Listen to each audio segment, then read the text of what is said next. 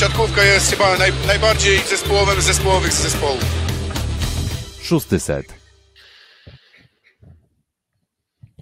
Witamy Was bardzo, bardzo serdecznie. 17 października. Mm, dla niektórych w nowej, innej Polsce, chociaż na razie jeszcze jakiejś specjalnej, dużej zmiany nie, nie wyczuwam. E, czwarte nagranie z cyklu Odliczamy do Plus Ligi. Wysłuchacie podcastu Szósty Set, a my właśnie w dzisiejszym odcinku podsumujemy najlepsze cztery drużyny poprzedniego sezonu i zmiany, jakie zaszły w tych drużynach. Mm, poprzednie odcinki do odsłuchania na naszym kanale YouTube'owym omówiliśmy wszystkie pozostałe 12 mm, e, drużyn plus ligi w trzech odcinkach po cztery drużyny. No a na sam koniec oczywiście zostawiliśmy sobie same rarytasy, czyli drużyny, które w zeszłym roku walczyły o medale. Trzy z nich ten medal zdobyły.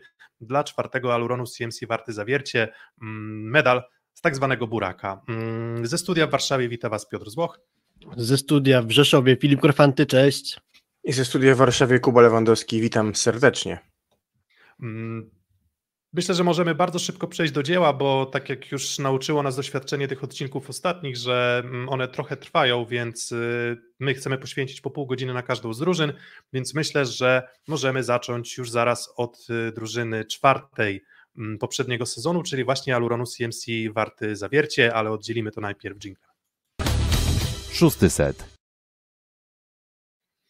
Dżingiel wybrzmiał, a więc e, ze spokojną głową mogę zapytać się Ciebie, Kuba. Czwarte miejsce Aluronu CMC Warty Zawiercie, pierwszy sezon mm, Michała Winiarskiego w roli trenera, który trochę nie tyle może, a wręcz i powinien coś wygrać. No i ten poprzedni sezon, jak Ty oceniasz w wykonaniach samego, wykonaniu samego Zawiercia, no ale też i oczywiście i trenera, i, i zawodników. Y, zaczęła ta presja rosnąć na trenerze winiarskim. Zaczynał w Gdańsku, po byciu asystentem w Bełchatowie, trochę bez presji. A z roku na rok ta presja się zwiększa, oczywiście to jest coraz bardziej doświadczony trener, no i w pierwszym momencie, kiedy ta presja dotknęła zawiercie, czyli rok temu, wypadł nieźle. Władze klubu były zadowolone, to jest kolejny raz bycie w strefie medalowej, bo tak rok temu było z zawierciem. Cel była szóstka, tak? czyli topowa szóstka, udało się być w czwórce, po bardzo trudnym, który pamiętasz doskonale, ćwierćfinale z Olsztynem, emocjonującym, trudnym, a przebieg sezonu zasadniczej tego nie zapowiadał, bo przecież drugie miejsce drużyny z zawiercia w fazie zasadniczej i dobrze wyglądający zespół w, lidze, natomiast problemy się pojawiały na tych polach innych niż liga w fazie zasadniczej, bo grupa Ligi Mistrzów specyficzna, Berlin, Halkbank yy, i finalnie Zawiercie doszło do baraży, gdzie przegrało z Zaksą i dość szybko zakończyło tą swoją debiutancką przygodę z Ligą Mistrzów. W Pucharze Polski doszli do czwórki, ale tam grając z osłabieniami, bez chorego Miguela Tavaresza, szybko odpadli z Zaksą w półfinale po dość gładkiej porażce i ten zespół wyglądał na zespół, który solidnie ogrywa słabszych, ale w walce z tymi, nazwijmy to równimy sobie, czy tej, tej czołówce, tej ścisłej czołówce, czyli Resowi, Jastrzębiu, Izaksie miał największe problemy. I te problemy się najbardziej uwypukliły w playoffie, bo dość gładka porażka z rozpędzonym walcem z Jastrzębia, no i brak medalu z osłabionym wyraźnie zespołem z Rzeszowa w playoffach, w, w meczu o trzecie miejsce. No ale oczywiście na tym wszystkim, na całym tym sezonie trenera Winierskiego kładzie się pewien cień, serbski cień Urosza Kowaczewicza, prawda Filip? Pełna zgoda. Serba w niektórych spotkaniach brakowało, między innymi już w tej play, playoffowej rywalizacji w ćwierćfinale z Jastrzębskim e, Węglem, mm, znaczy w półfinale z Jastrzębskim Węglem, o tak o tym chodziło. Później jeszcze wrócił na grę o brązowy medal za Sekoresowią, ale e, zawiercie to spotkanie przegrało. Generalnie ten sezon zapamiętałem jako pierwszy sezon Michała Winiarskiego, po tym jak zastąpił Kora Kolakowicza i dość często miałem wrażenie, że ta drużyna nie gra na 100% swojego potencjału, a przy tym też uwypukliły się pewne mankamenty tak zbudowanego składu, które też nie pozwalały na to, żeby z tymi najmocniejszymi plus lidze na równym poziomie pod koniec sezonu rywalizować. To też poniekąd przekładało się na to, że dość wcześnie zakończyli przygodę w swoim debiucie w Lidze Mistrzów. Ale patrząc na ruchy kadrowe w tej drużynie, wydaje się, że sporo z tych mankamentów pewnymi transferami udało się mm, zatuszować. No to Filip, jakie mankamenty masz na myśli? Co w zasadzie według Ciebie było też atutem w poprzednim sezonie zawiercia, a co właśnie mankamentem? Bo to była taka drużyna, gdzie no wydaje mi się, że ta wygrana chyba pierwsza runda zasadnicza, bo oni wygrali, jeżeli dobrze pamiętam, um, pierwszą rundę. mm, była mimo wszystko troszeczkę wynikiem, mm, wynikiem ponad stan, właśnie z uwagi na jakieś tam mankamenty, ale sam jestem ciekaw, jakie te mankamenty wy, wy dostrzegaliście w zeszłym sezonie e, w zawierciu. To tyle ciekawe było, że właśnie w 15 kolejce zawiercie zamieniło się pozycją z drugiej na pierwszą i w 30 kolejce z trzeciej na drugą, więc jakby rzutem na taśmę zmieniali swoją lokatę w tabeli rundy zasadniczej. Co do mankamentów, myślę, że tutaj trochę było odstawania na pozycji środkowego, to znaczy zbyt mała siła ofensywna ze środka siatki i być może też trochę więcej impaktu należałoby się spodziewać z pola serwisowego i, i właśnie tutaj postarano się o gigantyczne wzmocnienie w postaci Mateusza Bieńka. Kolejny z aspektów to jest właśnie trochę polaryzowanie w tym zespole Urosza Kowacewicza, którego nie do końca jesteśmy w stanie zbadać wpływ na zespół, ale być może jego odejście do Rosji spotka się z tym, że ta drużyna może trochę zyskać względem tego, kto za niego do zespołu z zawiercia przyszedł. No ale to, że ten bardzo ważny, bardzo ważny lider, najważniejszy w zasadzie dla mnie gracz, tak często wypadał z gry, no sprawiało, że pojawiały się kłopoty. Marcin Waliński w tym graniu przeciwko Jastrzębskiemu Węglowi, jako ten powiedzmy, że trzeci przyjmujący drużyny, zagrał tak naprawdę jeden mecz, a w pozostałych grał słabo. Więc y, brak Serba który było, nie było, jest dość podatny na kontuzję, to trochę komplikował zawierciu sytuację.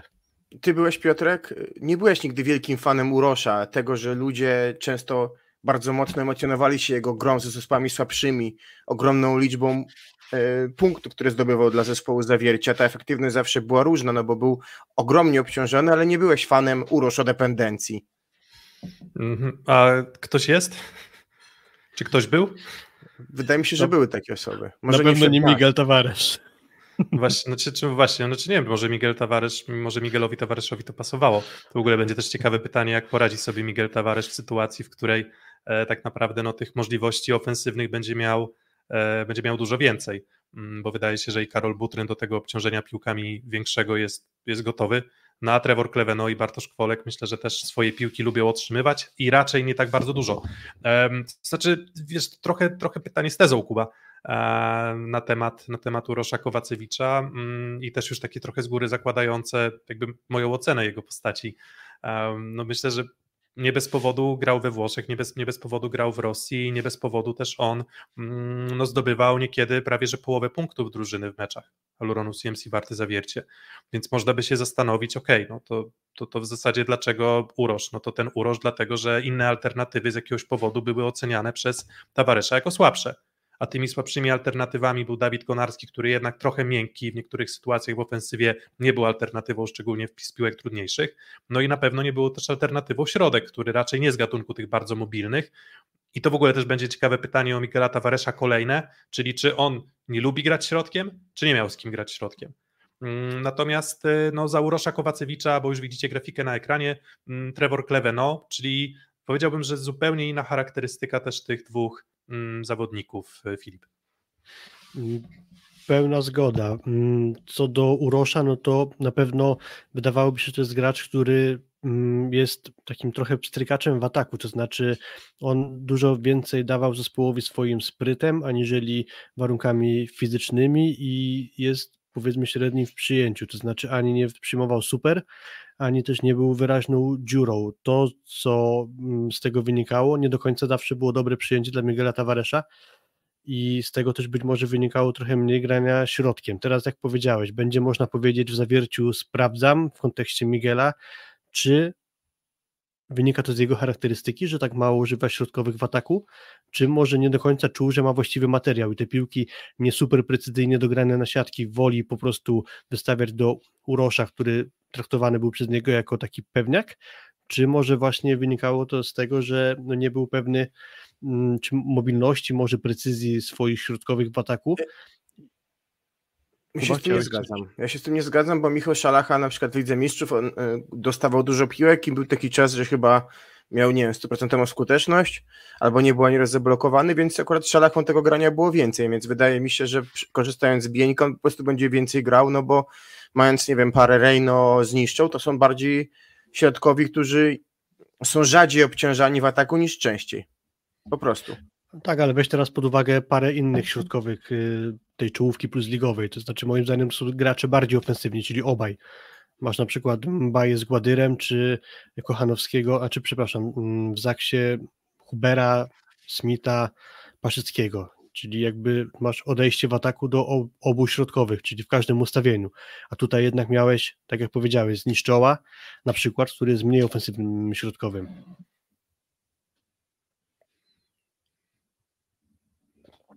Ale natomiast co do jeszcze zmiany Kowacewicza, który odszedł do Ligi Rosyjskiej, mamy za niego Trevora Kleveno, który charakterystyką jest też do, dość dobrze zbilansowanym graczem.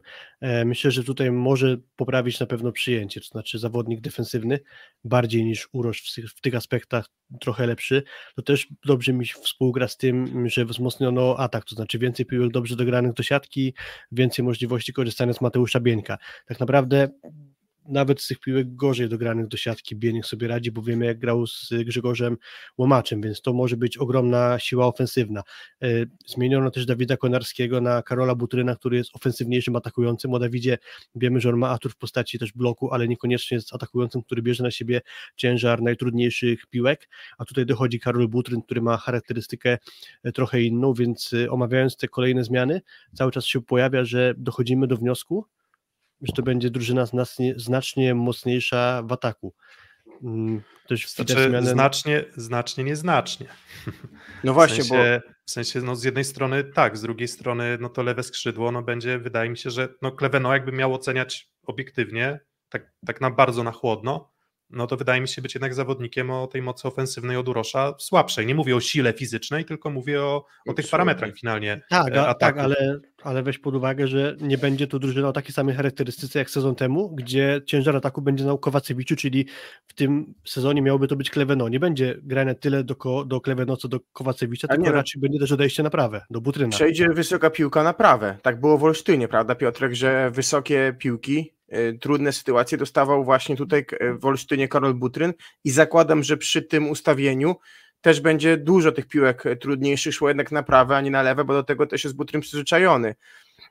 Kwolek i Klewano radzą sobie nieźle na wysokiej piłce, ale to, to nie są w mojej ocenie topowi, jeżeli chodzi o wysoką piłkę skrzydłowi ligi, jeżeli chodzi o przyjmujących, tak, bo oboje muszą się ratować wobec słabszych warunków fizycznych, raczej techniką, wybijaniem po bloku czy po rękach, a nie szukaniem e, gdzieś tam grania górą, tak? Więc wydaje mi się, że tu będzie ta, ta kwestia inna.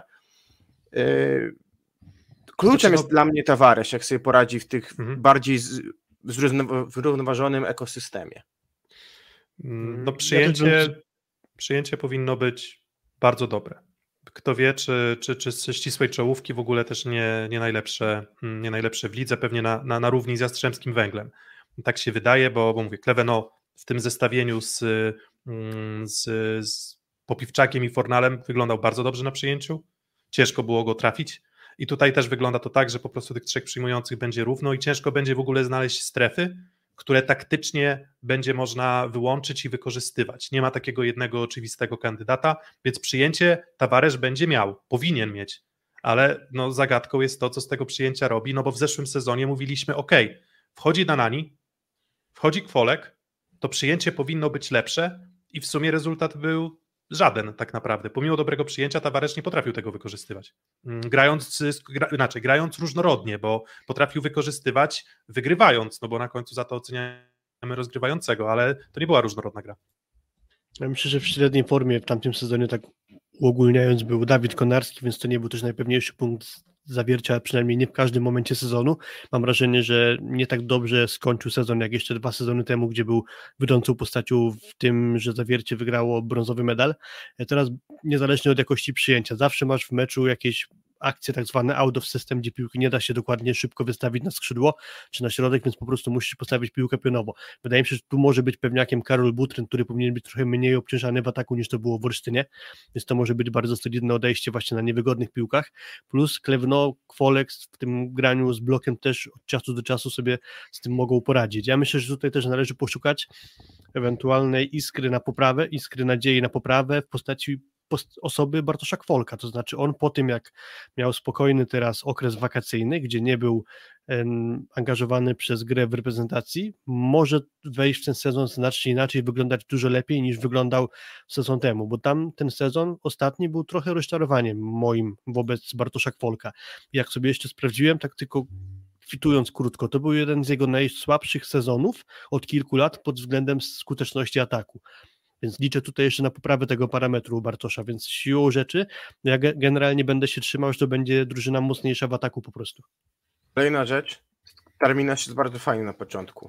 Poza wyjazdem do Austrii na Puchar CEF, to pierwsze 8 kolejek to jest gra z Resowią,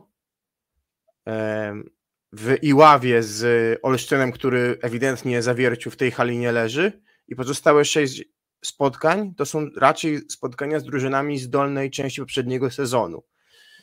Do tego Kwolek, wakacje całe przepracowane. Butryn poza turniejem w Nagoi całe wakacje przepracowane. Szalacha całe wakacje przepracowane. Perry był trochę na kadrze, e, ale wrócił bodajże już w sierpniu, do, przepraszam, we wrześniu do treningów. Kleveno po Mistrzostwach Europy już w treningu. Cała kadra poza Bieńkiem mogła się przygotowywać i to też troszeczkę lepiej wygląda na pewno w kontekście tego, jaką miał możliwość pracy asystent Michała Winierskiego, czyli Roberto Rotari, tak, w wakacje i to też mam poczucie, że w pewnych spotkaniach sparingowych procentowało. No, jest problem stron... z drugim środkowym, tylko dokończę znaczy, z, po z, oboma, z oboma środkowymi teraz. Tych, którzy, którzy są na grafice, nie zagrają na początku. No właśnie, więc tak naprawdę ale miałem na myśli drugim do zniszczoła w tej chwili, no bo po to ściągany jest też dzisiaj troszeczkę awaryjnie Mariusz Hamlewski, bo, bo i problem lekki Szalachy i trochę poważniejszy Bieńka, który wraca w listopadzie i bardzo poważny Kalempki, który wrócił na, na drugą część sezonu. Natomiast poza Samuelem Cooperem wszyscy są już od jakiegoś czasu i się mogą przygotowywać, a to jest znowu duży handicap na pierwszą rundę, na punktację i na rozstawienie, chociaż rok temu przykład pokazał, że zawiercie będące wyżej niż Jastrzębie i mające pierwsze dwa mecze playoffów u siebie, nie urwało sztycha Jastrzębiu wtedy, więc niekoniecznie mówiłbym, że sytuacja w playoffach ma sens pod kątem półfinałów, czy sytuacja rozstawienia poważnie zasadniczej, ale do ćwierćfinałów na pewno ma, bo myślę, że Zawiercie znowu uniknie grania 4-5, czyli znowu ma szansę na rywala jednak ciut łatwiejszego teoretycznie w, w, w ćwierćfinale. Z tym kalendarzem to tak różnie można by spojrzeć, bo teoretycznie wydaje się, że te kilka kolejek, powiedzmy 6-7, wydaje się dość łatwych, bo mamy na początek Olsztyn, ok, to jest średni rywal, może jeszcze nie do końca grający to, co chcą grać docelowo. Dalej mamy dwumecz z austriackim Hardberg, w tym czasie trzecia kolejka, druga kolejka plus ligi na podpromu, gdzie Resowia wygląda jeszcze bardzo niewyjściowo. Dalej mamy GKS Katowice, Beniaminka Szczęstochowy, Radom, Lwów, Lubin. Dopiero później jest taki powiedzmy teoretycznie trochę trudniejszy mecz z Lubinem. To może dać dobry start i duży handicap na początku, odpowiedni tam bufor punktów i dobre miejsce w tabeli, ale z kolei mówimy o tym, że Zawiercie ma całkiem komfortowe warunki do przygotowań, poza tymi problemami na środku siatki z kontuzjami, ale e, ściągnięto awaryjnie Mariusza Samlewskiego, więc będzie tam komu grać. I do czego zmierzam? Mm, jak już przyjdą trudniejsze mecze, to teoretycznie ci rywale trudniejsi powinni już dojść do siebie. Będziemy mieli ponad tam miesiąc grania, gdzie teoretycznie Izaksa na przykład, i Jastrzębski Węgiel, czy projekt Warszawa powinni już być, projekt też ma warunki dobre do przygotowania, ale Zaksa Jastrzębie na pewno im dużo brakuje do swojej optymalnej formy, więc te trudniejsze spotkania będą już grane z rywalami teoretycznie w wyższej formie, więc może z pewnego punktu widzenia lepiej byłoby już teraz z nimi zagrać, ale plus będzie taki, że prawdopodobnie do siebie dojdzie już Mateusz Bieniek i on wskoczy do szóstki, więc ten największy atut na środku będzie już gotowy do wypuszczenia na boisko. No ja tutaj zdecydowanie jestem Team Kuba, bo sam wymieniłeś te, te drużyny na początku i, i, i w zasadzie tak naprawdę poza tym debiutem z Indykpolem, AZS-em Olsztyn i potem Aseko Rysowią, no to potem już masz naprawdę naprawdę mm, spacerek, a, a wydaje mi się, że w obliczu tego, że tak jak wspominałem, nie będzie Michała Szalachy jak na razie, no i Mateusz Bieniek jeszcze myślę, że przez y, następny miesiąc y, nie zagra. Mm, z tego, z tego co też nam, nam wiadomo, dlatego też no jednak ratowanie się Mariuszem z Hamlewskim, który bardzo dobrze blokował w poprzednim sezonie w pierwszej lidze, ale jednak cały czas mówimy o pierwszej lidze. Mm, i no, Miłoszem Zniszczołem, który jest bardzo solidnym środkowym i ciekaw jestem, czy on jeszcze kolejny sezon będzie nam udowadniał wszystkim, że też stary człowiek i i może relatywnie stary, przynajmniej siatkarsko, natomiast to nie da się ukrywać, że, no, że ten atut Bieńka wydawało się, że on od razu wejdzie do drużyny i od razu będziemy mogli zobaczyć taką petardę. Natomiast y, właśnie dlatego ja jestem tutaj Team Kuba, że nawet bez Bieńka i nawet bez Szalachy myślę, że y, przy tym łatwiejszym terminarzu będzie, mm, będzie w porządku. Dobra, no tak mówimy, że tak, dobre przyjęcie, zagrywka Bieńka, zagrywka Butryna, którzy no naprawdę tej mocy na zagrywce, ona już w zeszłym sezonie była niezła, chociaż tam w zeszłym sezonie Zawiercie raczej cierpliwą zagrywką pracowało niż zagrywką bardzo mocną, bardzo atakującą. Natomiast no, teraz ustawienie na pewno, mm, na pewno kilka ustawień dochodzi bardzo mocnych. Natomiast no, co w zasadzie według Was jest problemem tej drużyny? No bo przejdziemy potem do naszych typów, ale z jakiegoś powodu do mistrzostwa pewnie zawiercia nie stawiamy, a przynajmniej ja nie stawiam. Lewe skrzydło. Myślę, że lewe skrzydło to jest kwestia siły ofensywnej na lewym skrzydle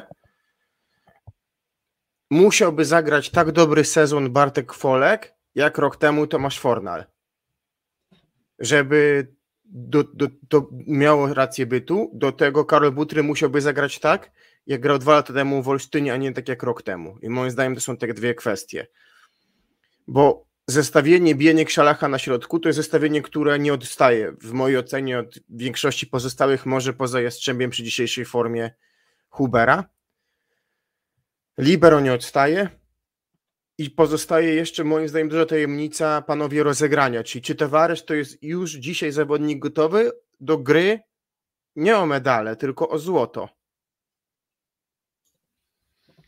No, kwestia tego właśnie, że sprawdzimy na ile będzie w stanie kreować grę zawiercia Tavares bez tego Urosza Kowacewicza, bo ja oczywiście sobie trochę z tego żartuję, ale no, było mówione, jakie to problematyczne jest granie dla Tawaresza, właśnie mając na boisku Kowacewicza, który tam się być może domaga piłek. Nie wiem, czy to jest prawda, nie chcę mi się w to wierzyć do końca, że to aż takie kłopotliwe dla Portugalczyka było, no ale, ale teraz już go nie będzie, więc niech pokaże to, co ma najlepszego. Warunki będzie miał prawdopodobnie jedne z najlepszych w lidze pod kątem przyjęcia piłki do siatki. To, gdzie widzę mankament, to nadal będzie blok punktowy albo generalnie gra w bloku, bo tak, Mateusz Bieniek jeśli wyłączymy z szóstki Miłosza z Niszczoła, to będzie moim zdaniem na środku osłabienie w aspekcie bloku. Do tego mm, Dawid Konarski był świetnie blokującym skrzydłowym. Za niego mamy Karola Butryna, który to nie jest tak, że on nie potrafi blokować, czy że słabo blokuje, ale jest trochę słabszy od Dawida Konarskiego w tym aspekcie. Mm, dość podobny ocenem Kleweno i Kowacewicza, więc wydaje mi się, że generalnie w aspekcie umiejętności indywidualnych na bloku to będzie trochę słabsza drużyna.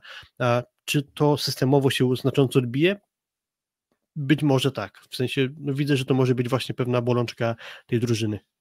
Zaraz hmm. Piotrek oddam głos do tych statystyk. Jedna rzecz tylko. Winiar Ball to jest bardzo mocno defensywa. Czy te zmiany, które są w postaci Bieńka, w postaci Butryna, znacząco i Perego versus Danani, znacząco zmieniają możliwości w samej defensywie? Nie mam przekonania.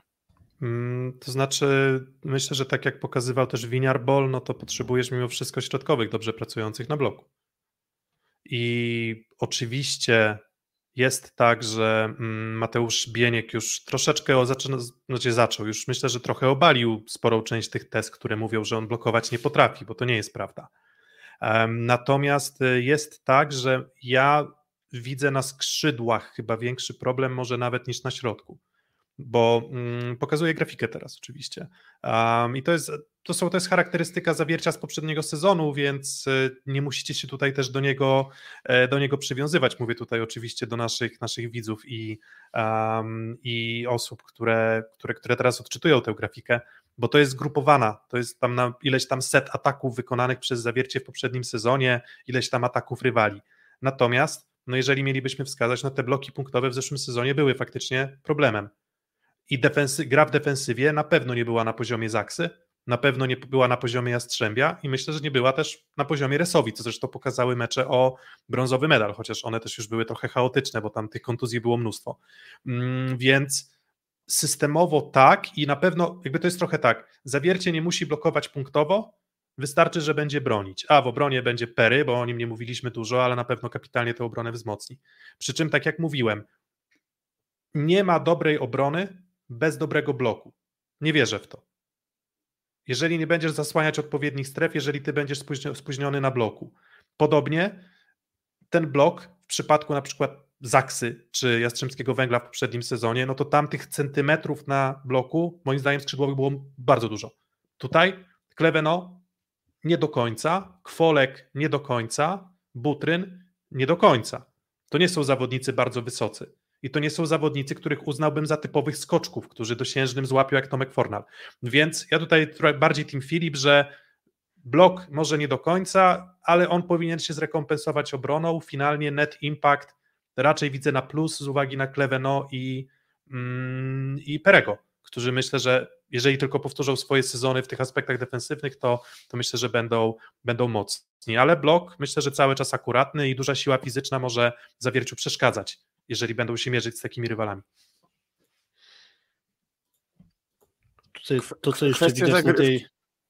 Okej, okay, Kuba, no to w takim razie kontynuuj. Nie, no kwestia proszę. zagrywki, tak, bo powiedzieliście, powiedział Piotrek o tej zagrywce, że może nie była typowo punktowa, ale umiała wielu rywali słabszych technicznie wyłączyć przez zmienność.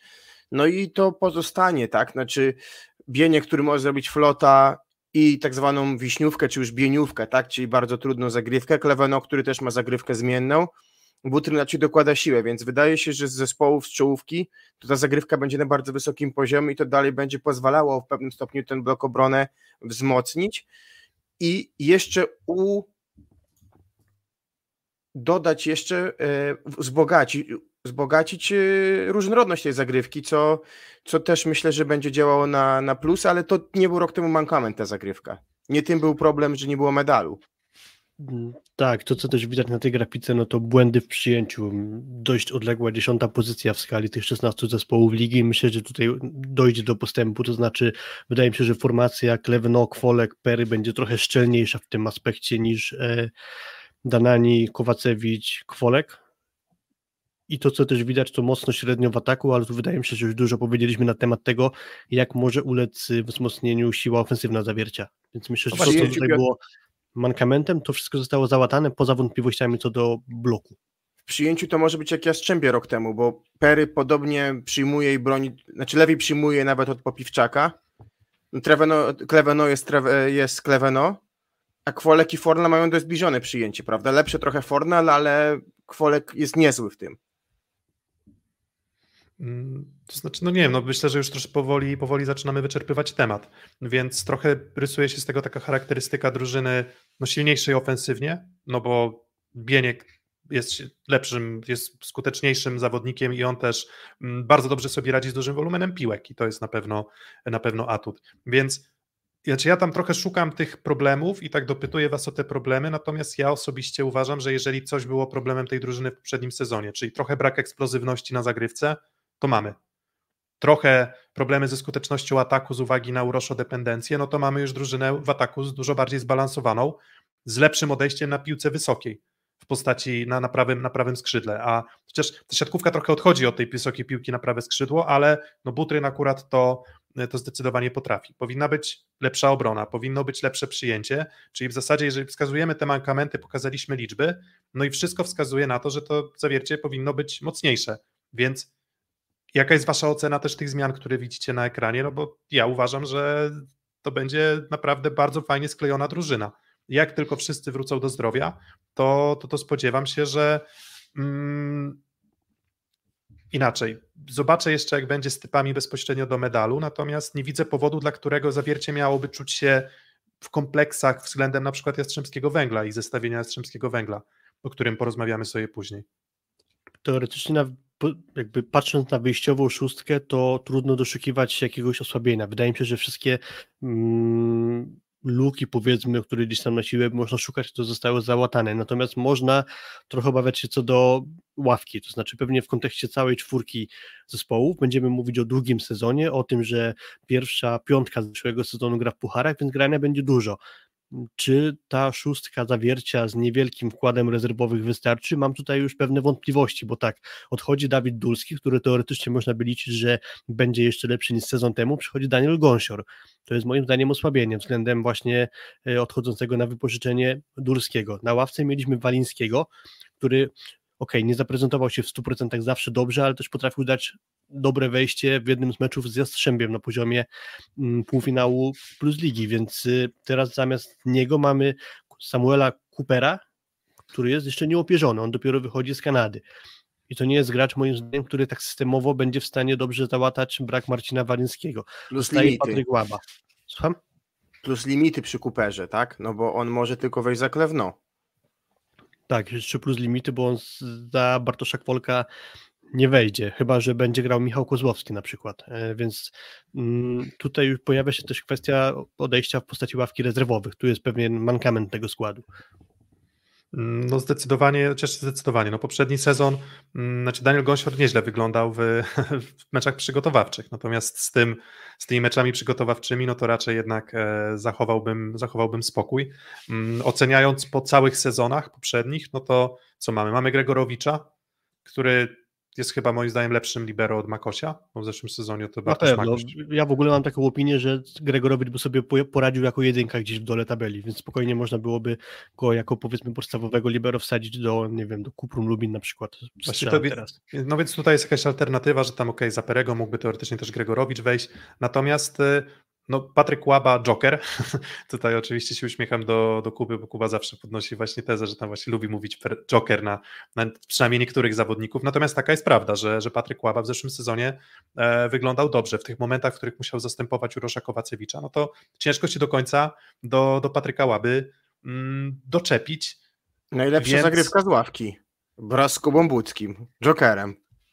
Mm, Więc paradoksalnie to atakujący się zgodzę. Na rozegraniu Kozłowski w zeszłym sezonie bardzo, bardzo sporadycznie grał. Jak grał, to, to, to nie dał dużo. Tam przykład Pucharu Polski się, się nasuwa, przy czym on miał bardzo mało czasu na trening też, więc to jest. Nie chcę tutaj, tutaj wchodzić, natomiast nie bez powodu z Miguelem Tavareszem, który nie grał wcale bardzo dobrze, bo nie grał w zeszłym sezonie, rywalizację Kozłowski przegrywał. Więc mam problem troszeczkę z alternatywami na, mm, na rozegraniu dla Miguela Tavaresza i tutaj jakby wracamy do tego naszego wątku, czy Miguel Tavares to udźwignie, bo może być praktycznie, jak tak mówicie, postacią kluczową mm, tego składu i to, jak będzie prowadził grę, może zupełnie zmienić nasze oczekiwania i to, jak ta, jak ta drużyna będzie wyglądać i jak będzie punktować. Mm, No i środek też wydaje mi się, że chociaż w sumie środek nie jest taki zły, bo jeżeli Szalacha zniszczą i Bieniek będą zdrowi, to, to Miłosz zniszczą też w poprzednim sezonie i udowadniał, że jeszcze cały czas potrafi. Więc to ławką atak, atak na pewno i rozegranie na pewno, a reszta jest niezła. Mm, Znaczy, no, moim zdaniem, znaczy, ale to co, nie zgadzasz się, że Cooper jest osłabieniem względem Walińskiego, bo o przyjęciu nic nie powiedziałeś. em, Uważam, że nie. uważam, że nie, bo Waliński grał słabo w poprzednim sezonie. W zasadzie Mając poza, yy, ćwierćfinału poza- z Olsztynem. tak, poza tym, poza ćwierćfinałami u siebie z Olsztynem, ale to Weny mu na dwa mecze starczyło. A poza tym w zasadzie co przychodził, to co wchodził, to, to, to, to w zasadzie nie trzymał jakości. Więc mm, jakby atutem jest inaczej. Nie, on, on przegrywał rywalizację z Patrykiem Łabą. Więc de facto był czwartym przyjmującym, więc też mam taką ocenę, że no, ja nie znam Samuela Coopera, ja nie- podejmuję się do końca oceny tego, czy Samuel Cooper jest dobrym zawodnikiem, ale, mm, ale Waliński nie dawał dużo podróżynie i nie bez powodu grał bardzo mało w poprzednim sezonie, więc tak wychodzę na to, że to jest taki impact zerowy po prostu. No to plusy, minusy. Mm, Nie mam przygotowanej grafiki, więc musicie się paszczowo e, wytreścić Nie teraz nad plusami, nad plusami i minusami i nad waszymi typami też. No to co, plus wzmocnienie bloku, yy, większa różnorodność w ataku i no, dwa bardzo dobre transfery, pewnie najlepszy defensywny zagraniczny przyjmujący ligi, czyli Klewno, no i topowy środkowy świata Mateusz Bieniek, yy, więc myślę, że to są plusy. Minusy to, co mówiliśmy, czyli kwestia rozgrywającego, który nigdy nie grał o medale, yy, który nigdy nie grał o złoto w plus lidze i który wydaje się, że z tej czwórki, która jest drużyn, a jest najmniej doświadczony, B jest najsłabszy, moim zdaniem. Choć wiem, że on dobrze pracuje na nogach, wiem, że on jakby technicznie wszystko wykonuje. Mam wrażenie, że decyzyjność u niego jest najsłabsza. O tak bym powiedział. O, myślę, że to jest idealny punkt, który chciałem ująć, czyli rozgrywający, który ma najniższy poziom decyzyjności z tej czwórki, czyli w porównaniu do Toniutiego, Drzyzgi i yy, Janusza. I, I to jest ta kwestia. No i B, węższa ławka, no tu się zgadzam. Mm, Po stronie plusów na pewno zwiększenie siły ofensywnej, to znaczy właśnie przyjście Mateusza Bieńka, Karol Butry względem Dawida Konarskiego, mm, lepsze przyjęcie, trochę zawiódł, znaczy zawiódł może za dużo słowa, ale trochę więcej oczekiwałem po Dananim, a zapowiada się, że właśnie za niego będzie wzmocnienie w postaci Perego, więc też przyjęcie powinno trochę lepiej zadziałać. Typy? Mm. Jak dla mnie trzymamy się tego trzymiejscowego przedziału 1-3. No ale, ale teraz precyzyjniej ale właśnie będzie trudniej, tak. ale będzie teraz trochę trudniej, bo, bo trzeba to jakoś e, doprecyzować. Mm, myślę, że bardziej 2-3 niż 1-3. Srebro. Powiedzmy, że półfinał na pewno. Uważam, że będą mieli udaną rundę zasadniczą, więc w czwórce będą i raczej nie będzie to czwarte miejsce, tylko unikną ewentualnie piątego miejsca, czyli będzie względnie do przejścia spokojnie ćwierćfinał. Na półfinale już się mogą zatrzymać, ale medal jest do zrobienia, więc powiedzmy, że jak wejdą do finału miejsce drugie, a jak e, zagrają o brąz, to ten medal zdobędą. Więc Ja dwa, srebro. Okej. Mm, Ja brąz, czyli ja mówię, no 1-3, no tak, czyli uważam, że to jest drużyna, bo też pytanie, drużyna moim zdaniem jest mocniejsza niż w poprzednim sezonie. Moim zdaniem, w sensie uważam, że jest lepiej, lepiej, jest lepiej ułożona, ma więcej jakości, ma więcej jakości technicznej, będzie jeszcze lepiej pracowała w obronie, aż w poprzednim sezonie uważam, że wyglądało to w zawierciu w porządku. Może zabraknąć do przepychania spotkań, na przykład z taką Zaksą, to faktycznie może brakować trochę siły ognia na tym lewym skrzydle i może trochę brakować bloku po stronie samego zawiercia, Mm, ale, ale, ale całościowo drużyna mi się bardzo dobrze skomponuje. Uważam, że te problemy, które były w zeszłym sezonie się pojawiły, więc ja postawię na e, medal, e, medal brązowy, no ale te półfinały, jeżeli będą w zdrowiu, to myślę, że mogą być bardzo ciekawe te z udziałem, z udziałem zawiercia, więc e, moim zdaniem brązowy medal będzie sukcesem i będzie czymś, na co stać zawiercie. To ja tak samo też powiem, że jak jedno miejsce to brązowy medal. Mm, Tyle o Aluronie CMC Warcie Zawiercie. Mm, Bardzo poprosimy Was o łapkę w górę i subskrypcję, jeżeli jeszcze ich nie daliście. E, Filip zaczął w pierwszym nagraniu tego naszego cyklu takie nawoływanie o to, że już jesteśmy blisko 3000 subskrypcji, więc e, byłoby super, gdyby udało nam się tę, e, tę liczbę osiągnąć po tym nagraniu, a może gdzieś w okolicach tego nagrania, więc dajcie łapkę w górę, poprosimy. No i oczywiście patronite.pl ukośnik szósty set, nawet zmienimy kamerę, żeby było nas widać w całości. Patronite.pl ukośnik szósty set. Możecie nas wspierać finansowo, jeżeli uważacie, że nasza praca na to zasługuje. Obiecujemy, że pieniądze wydamy bardzo dobrze. Mm, No i przechodzimy do trzeciej drużyny y, poprzedniego sezonu, czyli Aseko Resowi Rzeszów. szósty set, Aseko Resowia Rzeszów, brązowy medal po ilu latach oczekiwania, Filip? Uuu, nie, straciłem rachubę już tak naprawdę. E, jakieś ostatni raz brązowy medal Resowia zdobyła w sezonie, medal po prostu w sezonie 15-16, czyli 7 lat temu. Wtedy medal srebrny, teraz medal brązowy po ograniu właśnie przed chwilą omawianej drużyny, czyli Aluronu CMC Warte Zawiercie. Wcześniej, jak już zmienił się prezes Krzysztofa Ignaczaka, zastąpił Piotr Maciąg, to widać, że ta drużyna chyba wie, co zrobić, żeby iść naprzód i przywrócić lepsze czasy w rzeszowskiej siatkówce. Dwa piąte miejsca, a w ostatnim sezonie już właśnie sięgnięcie po, po medal, więc y, chyba w dobrym kierunku zmierza Aseko Resowe, biorąc pod uwagę ich potencjał finansowy i być może do podobnego wniosku dojdziemy na koniec naszej dyskusji właśnie o rzeszowskiej drużyny. Maestro Medei. Przyszedł mało znany trener, inaczej, nie mało znany. Mniej znany niż ci, którzy byli wcześniej, tak bym powiedział. No bo jednak Giulianiego korzystaliśmy z tego, jak nas męczyła Słowenia, a Medei spokojnie przez Wło Włochy, przez, przez y, francuską bodajże ligę, przez turecką trafił. I okazał się o tyle strzałem w dziesiątkę, że nie dość, że doprowadził do medalu, to jeszcze przygotował gołtów na sezon kadrowy, no bo fenomenalny latem Kochanowski, fenomenalny albo bardzo dobry Defalco, bez tych meltdownów, które miał rok wcześniej chociażby z nami w meczach na Mistrzostwach Świata. Bardzo dobry Czebul, Czebul, który wytrzymał całe lato, będąc ogromnie obciążony w Słowenii. Więc y, myślę, że myślę, że to też był bardzo dobry ruch, tak? Postawienie jednak na, na Medeiego y, w Rzeszowie. Dobrze się dzieje w państwie rzeszowskim, na Podkarpaciu i myślę, że to, co powiemy zaraz, będzie tego kontynuacją. Natomiast dalej to jest pewnie drużyna, która ma czasami miękkie podbrzusze, mimo tego, że znowu transfery wydają się być trafione, jeżeli o mankamenty na pozycjach szczególnie skrzydeł, ale też i na środku w postaci wzmocnienia postaci legendarnej z jednego z, z klubów. Tak jest. Resowia jako drużyna też wygrała rundę zasadniczą. To też y, nie jest takie powiedzmy bez znaczenia.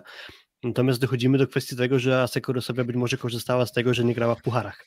Miała względnie łatwe warunki terminarzowe względem pozostałych zespołów, które o tę czołówkę się biły, więc y, dość spokojnie wygrana runda zasadnicza. Jak przejęli tron lidera chyba jakoś na 17 kolejce bodajże, to już go nie oddali do samego końca stąd y, względnie łatwy ćwierćfinał z Nysą, ale zatrzymali się na Zaksie z fantastycznym Bartoszem Bednożem, który na okres powiedzmy ćwierćfinału i półfinału myślę, że osiągnął swój szczyt dyspozycji w Zaksie w tamtym sezonie, bo później już nieco słabsza forma nagranie finałowe z Jastrzębiem i na finał Ligi Mistrzów w Turynie, więc fantastyczny Bednoż, ale i tak mocno się Rysowia postawiła Zaksie. Mm, to, co też bym zapisał na duży plus dla trenera Medejego, to wyciśnięcie maksa z Macieja Muzaja. Być może Kuba mi to umknęło, może to powiedziałeś, ale chciałem to jeszcze podkreślić właśnie, że super, jak na swoją charakterystykę wykorzystywany był Maciej Muzej. On odchodzi z Asekoresowi, ale po bardzo dobrym sezonie. Tak, no i dochodzimy Piotrek do tego, że mankamentem sporym nie była własna akcja, znaczy nie, nie był własny atak, nie było tyle nawet atak rywala, ale elementy defensywne postaci bloku i w postaci przyjęcia. Mm, to znaczy, te liczby mogą być odrobinę mylące, no bo ja jednak lubię patrzeć najbardziej na tę skuteczność ataku rywali. Um, ja mam jednak inne, inne spojrzenie, w sensie kruchość przyjęcia była dla mnie problemem Resowi, było tak, że jeżeli to przyjęcie udawało się utrzymać, to zresztą Drzyzga zagrał bardzo dobry sezon i to też trzeba mu oddać, więc wymienialiśmy dobry sezon Kochanowskiego, Drzyzgi, um, myślę, że niezły, łamany na dobry sezon Defalco, dobry sezon Muzaja i to wszystko się złożyło na bardzo dobrą drużynę. Natomiast um, było tak, że gdy Rysowia, Rysowia w poprzednich latach miała taką charakterystykę, że była bardzo rozchwiana w przyjęciu. W tym, w tym sezonie poprzednim udało się tę charakterystykę odrobinę ograniczyć, ale ona cały czas była akuratna, no i na pewno słabością był Clement Czebul, czyli moim zdaniem najsłabszy przyjmujący z czołowej czwórki chyba poprzedniego sezonu, albo taki, który był najbardziej rozchwiany. I nigdy nie byłeś w stanie przewidzieć do końca, co ten Clement Czebul będzie w stanie zrobić, więc gdy to przyjęcie było i Drzyzga mu grać co najmniej do trzeciego metra, to wyglądało to fajnie. Ale niestety było tak, że ta podatność Defalco na błędy własne w przyjęciu, podatność Czebula na błędy własne w przyjęciu i albo takie przyjęcia, które będą przyjęciami bardzo daleko od siatki, rozregulowywała Rysowie w niektórych spotkaniach z drużynami, no, które później zajęły miejsca 1-2, czy awansowały do finału, czyli głównie z Jastrzębiem i Na przykład Puchar Polski. Dokładnie. No i tutaj też dochodzimy do tego, jakie zmiany zajdą w składzie rzeszowskiego zespołu, bo faktycznie mankamentem ja się zgadzam, czy też barometrem gry Rysowie był Klement Czebul, czyli jego niestabilność formy. Jeśli miał swój dzień, to potrafił seriami zdobywać asy serwisowe i nie był dziurą w ataku. E, z przyjęciem u niego zawsze nie bywało dobrze, więc to była tak naprawdę w pewnym sensie najważniejsza postać w szóstce Sekorysowi. I problemem Asekorysowi były brak zmian właśnie na pozycji przyjęcia, bo nie trafili z Rosardem, który był e, do leczenia się w zasadzie cały sezon. Do tego ściągnięty awaryjnie w trakcie sezonu Mauricio Borges, który dało się przewidzieć, że będzie nietrafionym transferem i to się właśnie okazało, że to jest nietrafiony transfer i Brazylijczyk już wrócił do Brazylii po bardzo nieudanej przygodzie z Plus Ligą. Tomasz Piotrowski dostawał szans niewiele, ale jednak mimo wszystko uchylenie cylindra, bo dał radę w meczu o brąz, więc jak Tomasz Piotrowski się pojawiał na boisku, no to jednak z nim w szóstce Resowia była w stanie wydrzeć brązowy medal z zawierciem, aczkolwiek to nie było tak, że on wszedł i zdobywał seriami punkty i był główną postacią e, drużyny, po prostu nie przeszkadzał w cudzysłowie, to nie, jest, nie chcę tutaj nikogo obrazić, ale nie przeszkadzał, a na, jednak na przekór, Brazylijczyk chociażby na, przeszkadzał. Właśnie na, na przekór, sorry, że tak chciałem się wciąć, ale właśnie pasow, chciałem powiedzieć po prostu, że na przekór, na przekór Piotrowskiemu, a nie dzięki Piotrowskiemu e, Resowia zdobyła medal. Ale on przy, tak. przyjął przyjęcie, tak? I umożliwiało to chociażby temu, że Fabian do, grał z drugiego, trzeciego metra, bo tak pamiętam te mecze o brąz e, Tomka Piotrowskiego. Dlatego najważniejszym transferem moim zdaniem nie jest wcale Boye, tylko jest Luati, który po pierwsze wie jak grać o złoto ligi, zdobył je w Jastrzębiu i wtedy dał taki Luati Factor, który bym nazwał, tak? Czyli on miał może i gorsze liczby niż Szymura wtedy w parze z Fornalem, ale to z Luatim na boisku lepiej ta drużyna wyglądała. To wejście Luatiego w playoffach wtedy dla Jastrzębia okazywały się kluczowe w tym, że też ograli Zaksę. Okej, okay, wtedy zmęczoną Zaksę, ale ograli tą Zaksę dwa lata temu. I uważam, że nawet ja bym w tej szóstce zamieniał Czebula z Lua Team. I Luati, za, za którym niezły sezon letni, bo to on w dużej mierze grał w wyjściowym składzie kadry Francji na tych Mistrzostwach Europy i chyba trzymał najrówniejszy poziom z tej całej grupy, mimo że w meczu o brąz najlepszy był wyciągnięty bez, po wakacji na plaży y, NGP, ale uważam, że Luati będzie szalenie istotnym zawodnikiem, żeby tej drużynie dać trochę kleju.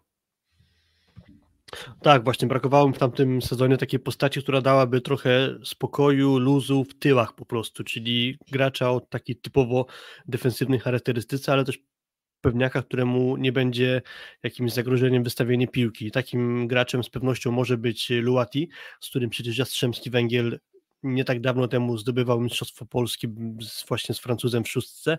Do tego uważam, że bardzo dobre wzmocnienie w postaci Adriana Staszewskiego, który przez pewien okres tamtego sezonu był pewnym punktem Zaksy. Mm, nie do końca rozumiem obecność w składzie Jonasa Kwalena, którego jak miał charakteryzować, to uważam, że w niczym nie jest bardzo dobry, a jest co najwyżej średni w każdym z aspektów, ale to jest chyba kwestia tych zawirowań. W Bełchatowie, że pojawiła się szansa na ściągnięcie Luatiego, więc Resobia po niego sięgnęła, a Kwalen po prostu żartując, no nikt nie chciał wpłacić kaucji, więc tak już został, jak e, syn tego, mm, jak brat Bolca, powiedzmy, chłopaki nie płacą, nie płaczą. E, więc po prostu może się okaże, że Kwalen będzie jeszcze gdzieś w trakcie sezonu mm, kontraktowany w jakimś innym klubie jako transfer awaryjny, ale co do tego jeszcze nie wiemy. Pięciu przyjmujących, z tego dwóch bardzo dobrych do wejścia z ławki, jeśli ktoś z pary Defalco Czebul nie będzie w jakimś stopniu domagał, więc tu solidne wzmocnienie i e, schowanie mankamentu z zeszłego sezonu. No ja pozostaję sceptyczny, jeżeli chodzi o Luatiego, bo widzę, że tutaj e, dużo nadziei jest pokładanych też e, w jego, w jego osobie. Mm, w sensie wydaje mi się, że jakby jego charakterystyka w Jastrzębskim Węglu działała z uwagi na kolegów obok. Tak, tak mi się wydaje czyli z uwagi na dobre przyjęcie Popiwczaka, z uwagi na dobre przyjęcie Fornala. Mm, tutaj no jednak to zestawienie będzie ciut inne i w parze nie będzie Tomek Fornal, a będzie jednak mm, TJ DeFalco, zakładamy w tym scenariuszu, że, że to Klemena Czebula będzie Luati, Luati zajmować. On wcale nie grał bardzo dobrego sezonu w Turcji też, i oczywiście to jest tak, że jego charakterystyka raczej nie jest charakterystyką, w której, no nie wiem, no, będziemy obserwować mecze na, nie wiem, 60% skuteczności i 50% efektywności, mm, bo to jest takie uzupełnienie składu. I trochę takiego rysu technicznego na pewno drużynie może nadać, ale to nie jest tak, że nie ma jeszcze obok zawodników, którzy mm, mogą ten rys techniczny odrobinę psuć, o tak bym, tak, bym to, mm, tak bym to ujął. Natomiast e, no nie zdziwiłbym się, jeżeli na jakimś tam etapie ligi faktycznie dojdzie do wniosku Medei, że ok, skoro dawało się w miarę grać z CJ-em DeFalco i Borgesem, bądź tak jak wspominaliście z Piotrowskim, no to w zasadzie dlaczego miałoby się nie dać grać z, mm, z Luatim? E, na pewno alternatywa mocniejsza i Luati i Staszewski to jest duży plus względem poprzedniego sezonu, a też Rysowia mm, będzie miała, i to o tym ty Filip wspominałeś, no ta Liga Mistrzów na pewno będzie utrudnieniem, jeżeli chodzi o regenerację i o, mm, i o jakość, więc Bucki dobrze prezentował się w meczach o brąz, więc myślę, że nie ma zarzutów i myślę, że on na zasadzie drugi atakujący Słabszy pewnie potencjał od Stefana Błaje, ale na pewno też zawodnik, który potrafi swoje dać. Mm, Michał Kędzierski, jak go oceniasz Filip w poprzednim sezonie? Mm, jak wchodził, to był bardzo elektryczny, więc generalnie większość jego wejść, tak mi się przypomina, że było raczej na minus, a nie na plus, więc tutaj będzie dużo zależeć od Fabiana, bo nie uważam, żeby Michał Kędzierski dał taką jakość e, jak e, Fabian na dłuższym dystansie, więc sądzę, że tu będzie powiedzmy rola bardziej jak Michał Kozłowski w Zawierciu niż z zeszłego sezonu Emiter Waporti w Jastrzębskim Węglu. Mm, mam nadzieję po prostu, że nie będzie dużą zniżką jakości po prostu wejście Michała Kędzierskiego, ale, ale on będzie raczej tylko uzupełnieniem. Mm, środkowi Bartłomiej Mordyl, Krzysztof Rejno. Bartłomiej Mordyl pozostał w składzie Asekoresowi Rzeszów. Krzysztof Rejno mm, za Bartłomieja Królickiego. Tak myślę, że tak można by to traktować. Natomiast Krzysz, na to, znaczy nie, w sensie jest, nie mówię, że to jest ta, ta, ta sama, mm, sam status i umiejętności gracza, bo lepsze myślę, więc Reino jest lepszą trójką niż poprzedni środkowi, lepsz, lepszą moim zdaniem niż Mordyl, no i lepszą niż Królicki z poprzedniego sezonu, więc jakby jest kolejna pozycja, na której, mm, na której do rotacji mamy różnicę, no i Karol Kłos, myślę, że będzie nam ciężko przyzwyczaić się początkowo do tego, że Karol Kłos w biało-czerwonych barwach mm, na boisku będzie Ale wyglądał. Czy, czy to jest Filip zmiana dużo, bo tak, Kozamernik długo zawodził, ale ostatni sezon już niezły i w tych aspektach właśnie, w których Karol jest dobry, czyli dużo bloków punktowych, rzadziej obciążony niż Kuba Kochanowski, no bo on częściej grał, nie wiem, dostał w meczu 5 piłek, 4 kończył, ale na przykład dał 3 bloki, 5 wybloków i swój agresywny flot i myślę, że charakterystyka Karola Kłosa jest bardzo zbliżona do Kozamernika. Zbliżono uważam, że jest trochę lepszy w defensywie Karol Kłos niż Jan Ko Kozamernik, ale generalnie pasują mi właśnie jakby z podobnej powiedzmy foremki powstali, w cudzysłowie mówiąc. E, to jest zmiana, która chyba podyktowana była po części też limitami, to znaczy chcąc Błajeza Muzaja, trzeba było poszukać Polaka na środku i jeśli Mateusz Bieniek skusił się na zawiercie, no to ciężko było inne zastępstwo lepsze niż Karol Kłos, ale tak jak Piotr powiedziałeś, to będzie bardzo trudne, żeby przyzwyczaić się do widoku Karola Kłosa w innej koszulce niż y, PG w tym sezonie GX skry Bełchatów. Mm, mm, przy czym mm, jeden do jednego właśnie oceniasz to jako postęp czy, czy minus? Czy, znaczy w sensie, czy postęp, czy utrzymanie status quo, bo raczej jako minus względem Kozamernika to chyba nie. Może delikatny plus. Status quo ja delikatny plus dla Kłosa. No i pytanie o Stefana Błaje, bo tutaj były już pytania na czacie. Jaki wylosuje się Stefan Błaje? E, czy Stefan Błaje z początku poprzedniego sezonu w Jastrzębskim Węglu, który był taki o, i potem problemy z kontuzjami, on wrócił, z kontuzją on wrócił w końcu do, do grania i jak grał w finale, to, no to takiego pokazu siły w naszej lidze, to ja chyba nie pamiętałem od czasów, mm, od czasów Grozera, jeżeli chodzi o, o pozycję atakującego w takich w tych meczach y, kluczowych. Natomiast czy macie obawy też o atmosferę w drużynie? Bo mówiło się o tym, że o, Błaje, Defalco, Drzyzga, trochę wybuchowo e, może być na boisku. Ale po to też ściągnięto Karola Kłosa. Człowiek do rany przyłóż. Więc tak mi się wydaje, że gdzieś te proporcje są trochę bardziej przez to zachowane, ale na pewno jest jakieś takie ryzyko. Natomiast wydaje mi się, że też Defalco trochę dojrzał. Błaje też trochę, do, w sensie sukcesy zawodników też im pokazują, co muszą robić, żeby je osiągnąć. jeżeli to są świadomi zawodnicy, to widać, co muszą, wiedzą, uczą się na tym, co muszą robić, żeby ten sukces osiągnąć. I wydaje mi się, że medal plus ligi, czy to, że DeFalco staje się de facto głównym skrzydłowym kadry USA, to są jego sukcesy. Błaje no osiągnął sufit, myślę, że dotychczasowy w Jastrzębiu swoją formą i złotym medalem, więc myślę, że to też będzie dla nich wskazówka na to, że może warto się w sezonie olimpijskim mocno skupić na nagraniu. No właśnie to jest chyba jedna z istotniejszych kwestii. Być może, że w perspektywie mamy Igrzyska Olimpijskie, więc teoretycznie powinno tej całej plejadzie świetnych graczy bardzo zależeć, żeby solidnie przepracować Dobrze się prowadzić, i żeby nie mieć konti. Dokładnie, żeby się dobrze prowadzić i później wejść w miarę miękko w sezon olimpijski, więc też już sezon temu się mówiło o tym, że przyjście Defalco do Rysowi z resztą graczy o różnej charakterystyce może ten zespół od środka rozwalić, nic takiego nie miało miejsca. Defalco świetnie na koniec sezonu się zaprezentował, będąc dużą postacią tej gry o medal z zawierciem, więc raczej nie mam wątpliwości co do tego, że tutaj coś charakterologicznie może nie zagrać. Co do właśnie tego, jaka będzie zmiana na ataku, też chciałbym wiedzieć, Stefan, jak to kiedyś Killer powiedział w jednym z polskich filmów. No i Stefan, jaki będzie, bardzo bym chciał, żeby to było z najlepszych czasów w Jastrzębiu, gdzie był maszyną, terminatorem wręcz. Przytrafił mu się ten dołek formy i całe Jastrzębie zaczęło grać trochę słabiej, więc y, jeśli patrzymy na Błaje swojej najlepszej formie, to i w ataku jest graczem dla mnie lepszym niż Maciej Muzaj, a na pewno w bloku i w zagrywce, więc moim zdaniem, oceniając całościowo ten transfer, to na pewno jest na duży plus, właśnie z tą gwiazdką, że jeśli będzie w formie. Dostaje jeszcze kapitalnie grającego do tyłu Fabiana, więc jakby obiektywne czynniki, Piotrek, mówią, że będzie dobrze. Nie, zdecydowanie i tak naprawdę jedyną wątpliwością w tym składzie Jedyną wątpliwością też w obszarze, mm, w obszarze potem naszych typów, zaraz do nich przejdziemy, ale może jeszcze, jeszcze dosłownie chwileczka pokażę teraz e, też e, zmiany e, w, w Resowi. No to właśnie Muzaj Zabłaje, Podobna para Czebul de Falco, natomiast może Luati. Kochanowski zostaje już zgrany, więc atut zgrania z poprzedniego sezonu pozostał. Stabilność składu jest. Uszczelniony blok poprzez Błaje i dołożona na pewno mocna zagrywce, bo Muzaj dość słabo zagrywał i zagrywa po prostu. To nie jest zawodnik, który, który moim zdaniem bardzo dobrze zagrywa. Chociaż miał takie momenty, w których gdzieś tam takie kątowe uderzenia do linii po skosie trafiał i tu asowo, ale to raczej było sporadyczne, jednak dość dużo błędów też przy Muzaju. Błajer też nie ma tej zagrywki bardzo stabilnej, ale moc na pewno jest i, mm, i myślę, że potencjał większy.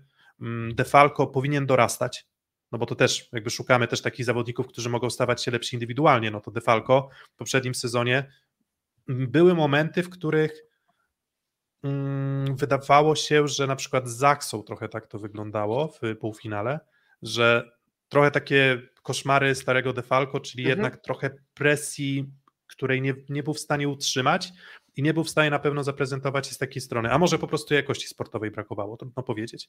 Natomiast on może stawać się lepszy. Jak nie Ale będzie Czebula, to już masz lepszą Przestawiłeś coś w głowie, cytując klasyka, przestawiło się mu chyba coś w głowie przed meczami o brąz zawierciem, bo był mega liderem w meczach o brąz Defalco właśnie. Mm, to prawda, to prawda. I Filip też to widziałeś z, z hali, więc, więc Defalco wtedy dowiózł. Zresztą Plus kadrowy sezon.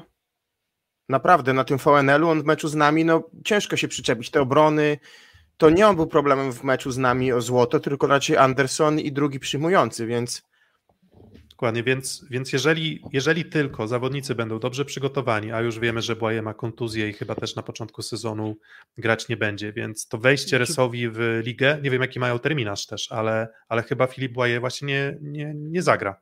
No właśnie to chciałem powiedzieć, że nieciekawie wygląda Resowia w kontekście składu bardzo dobrze, ale w kontekście właśnie startu sezonu będzie chyba bardzo dużo kłopotów w Rzeszowie, dlatego że e, przy środkowych, jeśli jesteśmy, to Bartłomiej Mordel ma kontuzję barku, więc myślę, że czeka go co najmniej z miesiąc przerwy, ale to jest gracz, którego nie desygnujemy do wyjściowej szóstki, natomiast właśnie Boye dołączył do Rzeszowa względnie wcześniej, bo Francuzi skończyli sezon kadrowy wcześniej, więc to jest pewien handicap posiadanie ich w swoich składach, natomiast Boye tuż po przyjeździe do, przyjeździe do Rzeszowa doznał kontuzji i z tego, co czytałem, to ma być gotowy na pierwszy mecz z projektem, ale tego zgrania czy tych treningów z ekipą będzie miał niewiele. Ostatnio był turniej z udziałem Asekoresowi w Lublinie, no i Błaje był ubrany w koszulkę libero i na boisku się nie pojawiał, ale tam powiedzmy człapał gdzieś po parkiecie, więc sądzę, że jest duża szansa, że rzeczywiście do gry będzie gotowy, acz pewnie niezgrany, jak bardzo duża rzesza reprezentantów krajów plus lidze. Mm, co do kalendarza, no, re, Realnie tydzień, tydzień pracy Resowi w tym składzie pełnym, bo dopiero teraz dołączyli zawodnicy kadrowi. Dzisiaj wylądował Defalco. Polacy w każdym razie. Tak Polacy tak jest, dzisiaj wylądował Defalco w składzie, a Polacy chyba się pojawili mniej więcej od wczoraj, więc tej pracy będzie naprawdę bardzo niedużo, a pytałeś Piotrego o to, jaki jest kalendarz. I to właśnie jest problematyczna kwestia w kontekście Resowi, bo tak, zaczynają z projektem Warszawa, później trochę le lżejszy na papierze mecz z Suwałkami, ale później jest tak, Zawiercie, Jastrzębie, Kędzierzyn, Nysa i Olsztyn. Więc ta ekipa teraz top 4 z zeszłego sezonu już na początku w terminarzu jest na rozkładzie. I z projektem obstawiam, że będzie porażka, bo Rysowa jest na razie nieprzygotowana do sezonu. Widziałem te spotkania w Lublinie, wyglądało to bardzo słabo i wyjściowa szóstka była uzupełniona juniorami, a biorąc pod uwagę jak przygotowany jest projekt, który wygląda bardzo dobrze w sparingach i mają dość duży komfort przygotowań w kontekście składu, kontuzji, no to może być już na starcie sezonu porażka, bardzo prawdopodobne. Wyjazd do Suwałk jeszcze powiedzmy może ok, ale te mecze z Zawierciem, Jastrzębiem, Kędzierzynem już się powiadają bardzo ciężko, chociaż Jastrzębie i Kędzierzyn też w, w nie najlepszej sytuacji w kontekście przygotowania. Mm, nie bardzo jest przestrzeń na gubienie punktów, jeżeli chcesz zająć, tak jak w poprzednim sezonie Resowia, pierwsze miejsce w lidze. Um, bo musisz założyć to, że nie będziesz w stanie zawsze podołać wszystkim drużynom z czołówki, więc te punkty potracone e, ponadproporcjonalnie mogą, mogą troszeczkę, troszeczkę Resowie boleć. Natomiast w zasadzie poza elementem przyjęcia, wydaje mi się, że drużyna zapowiada się naprawdę fantastycznie, więc jeżeli, jeżeli wszystko tam zagra, i ja zakładam, że raczej widzę, że powinno zagrać niż nie powinno zagrać, bo teraz możemy przejść już myślę do, do naszych typów i też jakichś tam wad, czy zalet, czy minusów. no to zalety mm, uszczelni- już dobrze pracująca w defensywie drużyna została uszczelniona blokiem Błaje i, i Kłosa, więc wydaje mi się, że tutaj obaj będą wartością dodaną.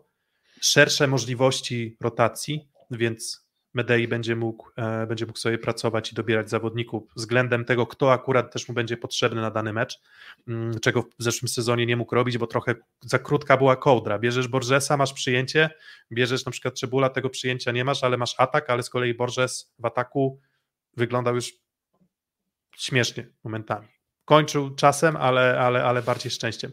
Więc drużyna mocna, drużyna zgrana, drużyna, która już do trzeciego miejsca dokłada moim zdaniem upgrade i no i jak ja miałbym typować, no to uważam, że to jest moment dla Rysowi na, na awans do finału. Ja tak samo, tylko uzupełnię jeszcze, bo tu jest na czacie Bucki po kontuzji, Kwalen po kontuzji, no i jeszcze gdzieś mi mignęło, że Luati w tym turnieju w Lublinie wybił palec, więc on być może też y, będzie musiał się mierzyć z jakąś przerwą w grze, więc naprawdę Resowia będzie mocno rozklekotana na początku sezonu, tego się spodziewam, na to bym przygotowywał sympatyków Waseko Resowi. Mm. Co do właśnie typów, bo ty powiedziałeś Piotrego o tym, że jest to kandydat do finału, dla mnie tak samo, dojdzie kwestia grania w Lidze Mistrzów. Grupa nie jest łatwa, bo jeśli chcą wygrać, to muszą okazać się lepsi od włoskiego Trentino, więc trzeba będzie tam trochę sił wyrzucić. E, trudniejsza, najtrudniejsza w zasadzie grupa, moim zdaniem, z polskich zespołów, mm, bo Jastrzębie i Zaksa mają łatwiejszych przeciwników, mm, ale ławka rezerwowych, tak jak mówimy, jest solidna. Mm, bardzo dużo będzie zależeć od tego, jak wylądują na koniec fazy zasadniczej. Oni w zeszłym roku przegrali tylko sześć spotkań w rundzie zasadniczej tyle samo co zawiercie, ale trochę więcej punktów. Biorąc pod uwagę właśnie teraz jeszcze to granie w Lidze Mistrzów, może tego doświadczenia właśnie grania tylu spotkań zabraknąć, ten ciężki początek, to znaczy być może już z dwie, trzy porażki na pierwsze pięć kolejek, może być ciężko odrobić. Jeśli nie zajmą miejsca w pierwszej dwójce, trójce w zasadzie w rundzie zasadniczej, no to tak naprawdę może się skończyć na półfinale, bo rywal będzie równorzędny, jeśli nie yy, lekko może mocniejszy, jak się za chwilę będziemy jeszcze zastanawiać. Więc mocny kandydat do finału, dla mnie nawet do Mistrzostwa Polski, ale widzę ze srebrem rysowie. Jeśli mamy jedną pozycję wybrać, to srebro. Piotrek, widzisz jaka pozycja? Mm, również srebro. Ja chyba złoto. To znaczy głód duży po stronie drużyny, kwestia zasadnicza Liga Mistrzów i rozłożenie sił. I to, to się najbardziej można obawiać, bo to jest zawsze nowe doświadczenie dla zespołu, dla sztabu. I to może być jakiś problem w kontekście yy, fazy zasadniczej, szczególnie jej końcówki i, i ćwierćfinałów, no ale de facto już półfinały i finały gra się, kiedy Liga Mistrzów jest, jest de facto rozstrzygnięta, ewentualnie czeka się na, na, na finał, więc ja bym dzisiaj będę na, na potrzeby tej audycji y, traktował Resowie i typował do pozycji numer jeden. Mm, to właśnie, coś myślę, że Filip też dobrze, dobrze powiedziałeś. Resowia będzie grała co trzy dni. Praktycznie cały sezon. Prakty, pra, praktycznie. Tam pojedyncze środy, jeżeli dobrze kojarzę, w terminarzu będą takie, w których sobie nie będzie, nie będzie grać. Hmm. Przygotowanie przedsezonowe takie sobie. Czasem jesteś w stanie zbudować paliwo na to granie środa, sobota wcześniej. Teraz masz trochę przytyranych zawodników, a dodatkowo coś, co zawsze powtarzam w kontekście Zaksy i już wydaje się, że Jastrzębskiego Węgla. Stabilne sztaby, które wiedzą, jak przygotować zawodników na takie granie i wiedzą, jak utrzymywać powiedzmy odrobinę świeżości, bo to nawet ciężko nazwać jakąś taką pełną świeżością, ale wystarczająco dobrą formę fizyczną, żeby znacząco nie odstawać i żeby cały czas dobrze funkcjonować w drużynie. Trudny początek, a potem po tym początku od razu wskoczymy w granie środa, sobota, środa, sobota. Tutaj widzę jakiś tam minusik, jakieś tam ryzyko. Przy czym, jeżeli oceniamy czy stricte potencjał, to, to tak jak mówię, no ja utrzymuję, że, że, że to jest dla Resowi moment na, na finał, więc półfinał na pewno. W półfinale nie spodziewam się, żeby to były, jakie, niezależnie kto będzie rywalem Resowi, to w półfinale nie spodziewam się, żeby to były mecze łatwe. W sensie to raczej, raczej nie widzę Resowi, wiecie, w zeszłym sezonie było tak, Zaksa Jastrzębski Węgiel, wszyscy typują Zaksa Jastrzębski Węgiel, bo trochę tak było. Finalnie do tego doszło. Mm, Natomiast przed sezonem pewnie wszyscy powiedzielibyśmy, no raczej jednak ta przewaga nad Resowią i Zawierciem czy projektem jest w przypadku tych dwóch drużyn duża. A teraz mam takie poczucie, że ta czołowa czwórka czy czołowa piątka, te różnice są niewielkie i tak naprawdę jedna kontuzja w te czy we w te może wszystko zaburzyć, ale no mimo wszystko potencjał uważam personalny w tej drużynie jest, jest potężny i wiele problemów z zeszłego sezonu uda się teraz załatać, więc mówię, dla mnie srebro. Dla mnie srebro z tym, że spore szanse na złoto, tylko właśnie kwestia tego dojechania do końca sezonu na odpowiedniej ilości paliwa, bo świetny start w zeszłym sezonie Rysowi, tak naprawdę na pierwsze 17 meczów przegrali tylko dwa. Pierwsza porażka w ósmej kolejce. Teraz może to wyglądać już trochę inaczej, a już biorąc nawet pod uwagę wejście ewentualnie do finału na takim poziomie zmęczenia, mając za sobą tyle meczów w nogach, to Zaksa po prostu ma dużo większe doświadczenie w takim graniu i dla mnie to jest, może trochę zdradzając, największy faworyt do złota, ale idźmy dalej. Hmm więc y, ty, Kuba, jak typujesz? Finalny twój typ to jest złoto. Złoto. Złoto. Um, Ale więc... uzasadniać też powody będę przy okazji też kolejnych drużyn, bo, bo wydaje mi się, że w tym sezonie też wyjdzie już kolosalnie zmęczenie poprzednimi latami.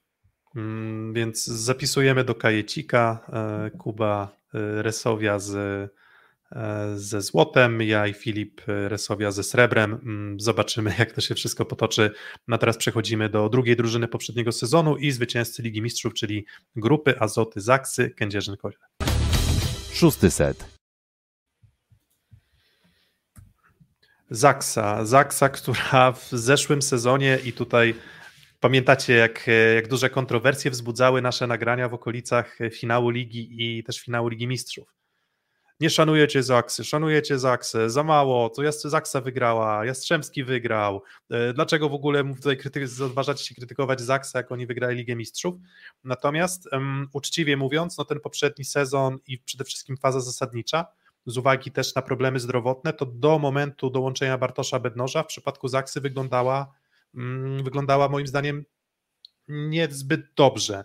Zaksa i, i, i, były elementy gry w Zaksie, które, które moim zdaniem nie funkcjonowały mm, zbyt dobrze. Boha... Zaks... Kuba? Yy, Zaksa to drużyna oparta o siedmiu kadrowiczów, sześciu, przepraszam, kadrowiczów, tak? Czterech kadry Polski podstawowych yy, i dwóch, czy jeden może nie do końca podstawowy, ale trzech lub czterech podstawowych i dwóch kadry USA. I to jest drużyna, która w mojej ocenie co roku bardzo mocno odczuwa wirus FIVB, czyli to, że po prostu bohaterowie są zmęczeni. Bohaterowie, którzy grają 80 spotkań w roku i to dotyczyło i Łukasza, i Aleksandra, i Marcina, i Erika, i Davida. I to jest moim zdaniem dawka końska, która kiedyś musi wyjść bokiem. Przez doświadczenie sztabu fizjo i trenerskiego Zaksy, ona zawsze wychodzi gdzieś tam w fazie zasadniczej po prostu, a paliwo udaje się jej formę zbudować na Puchar Polski wygrywany co roku od pięciu bodajże lat, na fazę pucharową Ligi Mistrzów i na końcówkę ligi. I znowu chyba w tym nadzieja dla kibiców Zaksy, bo nie ma co ukrywać, że fazie zasadniczej musi przyjść dołek, no bo nie da się oszukiwać, nie da się oszukać ludzkiego organizmu po prostu. Myślę, że początki tego, o czym tu Kuba mówić, widzieliśmy już w zeszłym sezonie, gdzie Zaksa jeszcze w latach wcześniejszych przyzwyczaiła do tego, że zaczyna sezon od wielu zwycięstw z rzędu na początku sezonu, a w minionych rozgrywkach oni po pierwszych siedmiu kolejkach mieli już trzy porażki. I jak gdzieś powiedzmy około środka, nawet niecałego środka sezonu, zakotwiczyli na czwartym miejscu w dziesiątej kolejce, to na tym czwartym miejscu już skończyli rundę zasadniczą, więc to też pokazuje, mm, jak wyglądała Zaksa na przestrzeni tamtego sezonu, czyli to już nie była taka maszyna, która rozjeżdżała każdego kolejnego rywala w plus lidze, bo momentami tak wcześniejsze sezony wyglądały. Mm, to właśnie być może z początek tego, tej kumulacji wieloletniego eksploatowania graczy, którzy tam stanowią sile tego zespołu.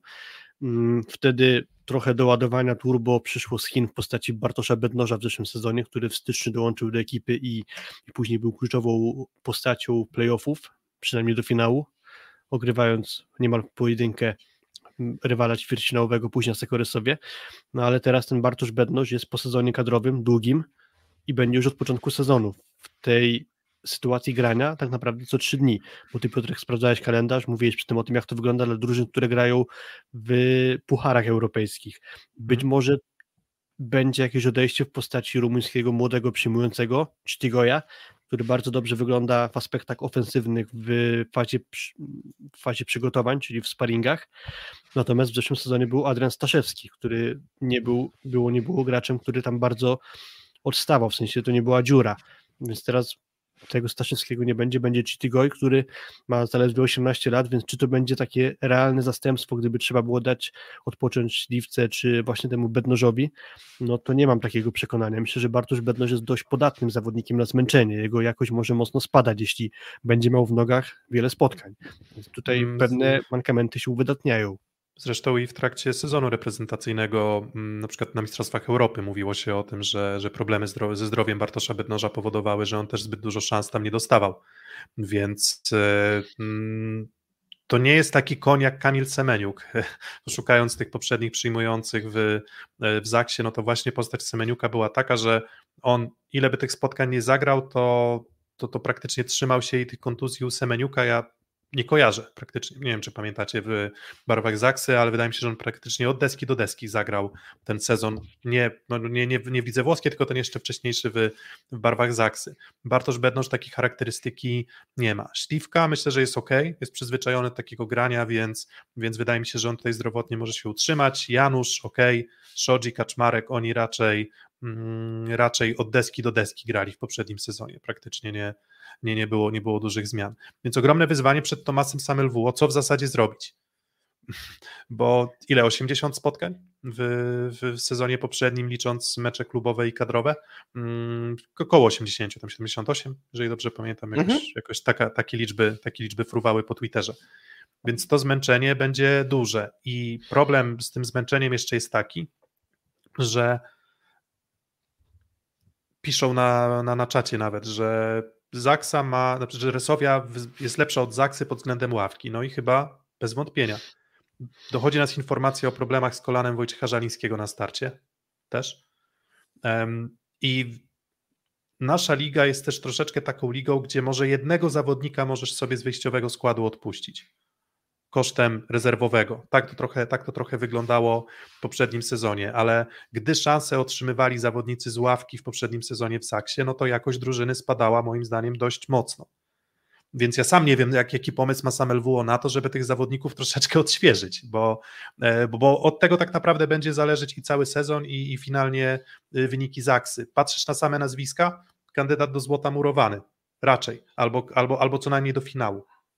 I, ale jeżeli masz to tło związane ze zmęczeniem, no to to zupełnie zmienia ocenę, ocenę tego, jak ta drużyna może y, wyglądać. Wiesz, no tak. Najlepszy libero ligi, najlepszy rozgrywający ligi, najlepszy atakujący ligi, najlepszy przyjmujący ligi. To jest skład, to, to są zawodnicy w składzie Zaksy. Dokładnie, Eee, dokładnie. Ale no to chodzi właśnie ten aspekt. Myślę, że będzie oranie Chitygojem i myślę, że kibiców Zaksy musiał ucieszyć jego występ koński. Koński występ w Lublinie, dwa razy całe mecze w pierwszej linii. No ale powiedz mi, kim nie orać jak 18-latkiem, który będzie miał wahania formy, ale raczej wątpliwości o jego regenerację nie ma. Pamiętacie sami, co robiliście, jak mieście 18 lat, jak można było e, po e, w liceum wieczorem zarwać noc z uwagi na jakąś tam, wiecie, osiemnastkę znajomych, a potem po trzech godzinach iść do szkoły i jeszcze grać w piłkę na WF-ie do dużej intensywności, także myślę, że, że w nim duża nadzieja, jeżeli chodzi o opcje na skrzydłach, ale pozostaje reszta pozycji. Rok temu był Norbert Huber na środku, tak? Fakt, że sporo spotkań nie zaczynał, ale on dawał kapitalne impulsy w finale Pucharu Polski z Jastrzębiem, z Trentino w tym epickim meczu w ćwierćfinale Ligi Mistrzów. No i on zaczynał finał Ligi Mistrzów z Jastrzębiem, tak? To on, a nie Dyma Paszycki, który mimo tego, że przeżywa kolejną młodość i przedłużył karierę, no to, no to jednak był ten Norbert w kluczowych momentach. Jest Takwam, który na trzeciego myślę, że bardzo, ale jestem ciekawy jego, czy będzie dostawał więcej szans na, na, na dystansie, no bo też no nie wypominamy wieku, tak, y, parze podstawowej. Ja uwielbiam zawodników doświadczonych, dużo bardziej niż młodych, no ale mimo wszystko no te 37-8 lat nie wydaje mi się, że pozwoli na grę sezonu. nas- Kuba, na starcie kariery zawodowej miałeś już 30 lat doświadczenia chyba, co? Dokładnie. Tak to trochę wygląda. Dokładnie, szczególnie w mojej branży, wiesz. Po roku, wiesz, po roku ciężkie przypady do klienta i wiesz, z innego długoletniego doświadczenia wiem, że e, wracając do, do, do, do tych kwestii, to po prostu no, zmęczenie myślę, że to może być i, i, i uważam, że kiedyś to odpuszczenie jakieś, czy kiedyś to zmęczenie musi wygrać po prostu. Czy trochę tak jak wiesz, jesteś kierowcą zawodowym i co jesteś w stanie cały czas jeździć 15 godzin na dobę? Nie, no po to też są robione jakieś tam ustawowe ograniczenia, żeby jakby dać radę zmierzyć się z tym zmęczeniem, a mam poczucie, że ci zawodnicy, którzy są tu w wyjściowym składzie, takiej szansy od federacji światowych i ligowych nie dostają po prostu. Może się okazać, że kluczowa dla Zaksy będzie runda zasadnicza w kontekście zagrania o złoty medal plus ligi, czyli dojścia do finału playoffów. W zeszłym sezonie naprawdę niewiele brakowało, aby ten Bartosz Bednosz nie podołał Asekoresowi, finał byłby inny. Natomiast właśnie oni chyba na tyle są już doświadczonym, zgranym zespołem, że potrafią już na te kluczowe mecze się przygotować. Tylko to jest tak, że siła tej czołówki plus ligi jest dość podobna, więc niewiele zabraknie, żeby ewentualnie odpaść w półfinale. Więc jeśli Zaksa. To jest krótkie dobrze, playoffy. Tak, plus jeszcze krótkie playoffy, więc Zaksa na pojedyncze spotkania te, na koniec sezonu może być gotowa, ale na pewno pojawi się jakiś kryzys w drodze do tego finału. I przypomina mi się kontekst zeszłego finału plus ligi z Jastrzębiem, gdzie Zaksa została, przepraszam, ale wręcz zmieciona z parkietu grając przeciwko fantastycznie dysponowanemu wtedy Jastrzębiu, no ale w wypowiedziach z, Piotra, z Piotrem, w wypowiedziach Piotra Pietrzaka, trenera przygotowania fizycznego Zaksy, wynikało, że oni byli pod względem parametrów wydolnościowych na dobrym poziomie, więc wtedy bardziej przesądziła siła, jakość gry Jastrzębia niż słabość fizyczna Zaksy.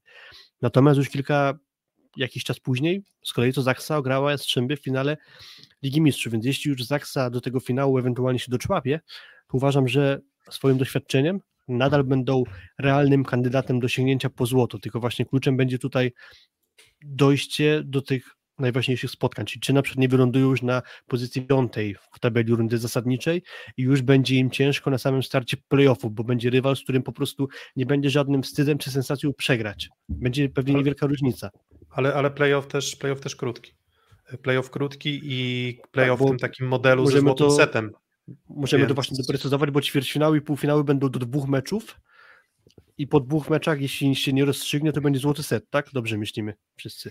Mm, tak, i w finale jest chyba tam do dwóch zwycięstw, już, już bez, bez złotego seta. Jakoś, jeżeli dobrze, jeżeli dobrze pamiętam. Nie, finale nie jest... do dwóch zwycięstw, tylko gramy dwa mecze, mecz i rewanż i potem złoty set? No w ćwierćfinale i w półfinale tak. Ale w finale już okay. chyba gramy. Mamy gramy... regulamin zapisany, więc jeszcze to sprawdzę, żeby nikogo w błąd nie wprowadzić, ale wydaje mi się, że jest tak, że ćwierćfinał, półfinał gramy dwa mecze i ewentualnie złoty set, natomiast finał już jest chyba do trzech spotkań, ale zaraz to potwierdzę. Mm, właśnie, już, już dobra, czy dobra, to Filip w międzyczasie potwierdza. Natomiast ten złoty set na pewno. I tutaj właśnie Marek Gębica 15 minut po zakończeniu meczu ma być rozgrywany złoty set, bo tam te problemy z, z to mnie zawsze, zawsze zadziwia, że w sumie wszyscy wiedzą, że te złote sety mogą przyjść, a, a w, lidze, w lidze nie będzie. Więc Kuba, co zaskoczony Krótki. jesteś, że taki, że taki jest model, bo, bo wyglądasz ok. jakbyś nie wiedział. Nie, nie, nie, wiedział. nie, myślałem, że do dwóch zwycięstw będziemy grali, po prostu nie tak jak teraz okay. do trzech po prostu. Ja mówię, może nie skupiłem się na tym, a powinienem wcześniej, ale to jest okrutne. No dlatego, dlatego wszystko... właśnie Mhm. Tak, Filip, mów. Mamy wszystko, czego poszukiwaliśmy. Miejsca, o miejsca 3-4 i o miejsca 1-2. Zwycięzca pierwszego półfinału gra ze zwycięzcą drugiego półfinału do dwóch wygranych meczów. Czyli chyba wszystko jest. A pozostałe fazy? Jasne. A ćwierćfinał i półfinał, tak jak mówiliśmy, czyli mm, gramy dwa mecze, jeśli nie będzie rozstrzygnięcia, to złoty set. Mm, I bo ja, ja, zacząłem ten wątek i dlaczego też, dlaczego też do tego wątku piłem. Um, Zaksa doświadczenie potężne w tej drużynie, siła mentalna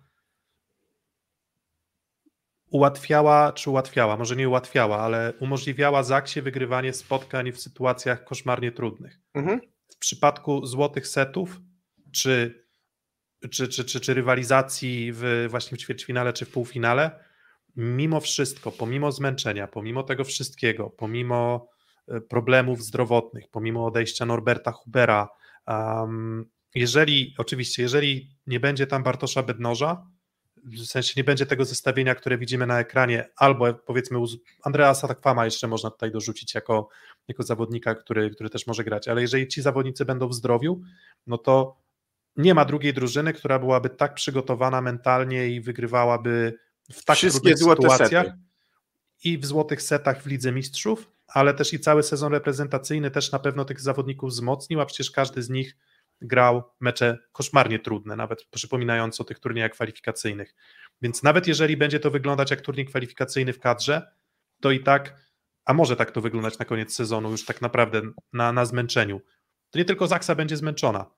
Po 30 spotkaniach w lidze i 12 w, w Lidze Mistrzów w graniu środa-sobota, teraz możemy mówić, że na wejście Zaksa jest zmęczona, ale ja nie jestem przekonany, że akurat ci zawodnicy już tu byli, już to przeżyli a są tacy zawodnicy w pozostałych drużynach, którzy tego jeszcze nie przeżyli i dopiero będą, będą się z tym spotykać i będą się z tym męczyć. Zawiercie, na przykład Karol Butryn w pucharach nie grał ani razu. Jak sobie poradzi Karol Butryn w sytuacji, w której będzie musiał grać w pucharach? Nie wiemy. Luke Perry, teoretycznie libero nie skacze, ale on też pierwszy raz będzie miał taką dawkę grania. On fantastycznie wyglądał w Gdańsku, ale tam było granie bez pucharów. A tutaj, a tutaj wszyscy zawodnicy już takie doświadczenia mają i ma też takie doświadczenia sztab, więc Sztab. jakby rozumiem Kuba, bo ja wiem, że ty jesteś orędownikiem tej myśli, że są zmęczeni i zajechani i na pewno są, bo, bo to jest katorżnicza liczba meczów. Ale ten system paradoksalnie, on z jednej strony może bardziej sprzyjać niespodziankom, ale też może sprzyjać drużynom, które mają potężną psychikę. A No Zaksa to złoty set tak, to się zgadzam. Złoty set tak. Dokładnie. Mm, Ale wiesz, z drugiej strony złoty set jest. Ma jakiś tam element y, y, labilności w sobie. To, wiesz, y, rok temu z Trentino. No ten złoty set skończący się 15-8 też wynikał z tego, jak zaczął ten set Zaksa, tak? Jak wiesz, jak zaczniesz złoty set 4-0 czy 5-0, no to już potem jest ciężko, więc jakby wiem, że oni wygrali wszystkie do tej pory złote sety i uważam, że każdy równy złoty set wygrają, ale może zdarzyć się dzień, w którym wiesz, wejdzie ci na zagrywkę, nie wiem, yy, Błoje czy Defalco i robi ci 3-3 asy na początku złotego seta, tak? Też Oczywiście, ten złoty finał, set jeszcze musi, musi nastąpić, tak? Dokładnie. Złoty set, ale przypomina mi się też finał Ligi Mistrzów w Turynie, gdzie Zaksa po tej właśnie za sobą końskiej dawce spotkań, ogromnym zmęczeniu sezonu, wychodzą na tiebreaka w Turynie, robił jeden błąd w serwisie i chyba ani jednego błędu w ataku, ani raz się nie dali zablokować. Skończyli na kosmicznej efektywności ataku, mając 20% przyjęcia. To chyba jest najlepszy obraz w soczewce właśnie tego doświadczenia, umiejętności spięcia się na kluczowy moment sezonu. Mm, I dlatego myślę, że już bo moglibyśmy o tych zawodnikach rozmawiać, ale najlepszy blok w lidze bez cienia wątpliwości. Tutaj bez, bez żadnej wątpliwości. A w zeszłym sezonie dość słabo było ze skutecznością ataku w drużynie jako takiej. Mm, Zmian praktycznie nie ma, więc tutaj bardziej chyba należy liczyć na to, że, mm, że Śliwka z Bednożem trochę poprawił przyjęcie, bo to przyjęcie było kruche moim zdaniem w tym zestawieniu Śliwka Bednosz Szodzi, więc można było na pewno Zaksę uszczknąć.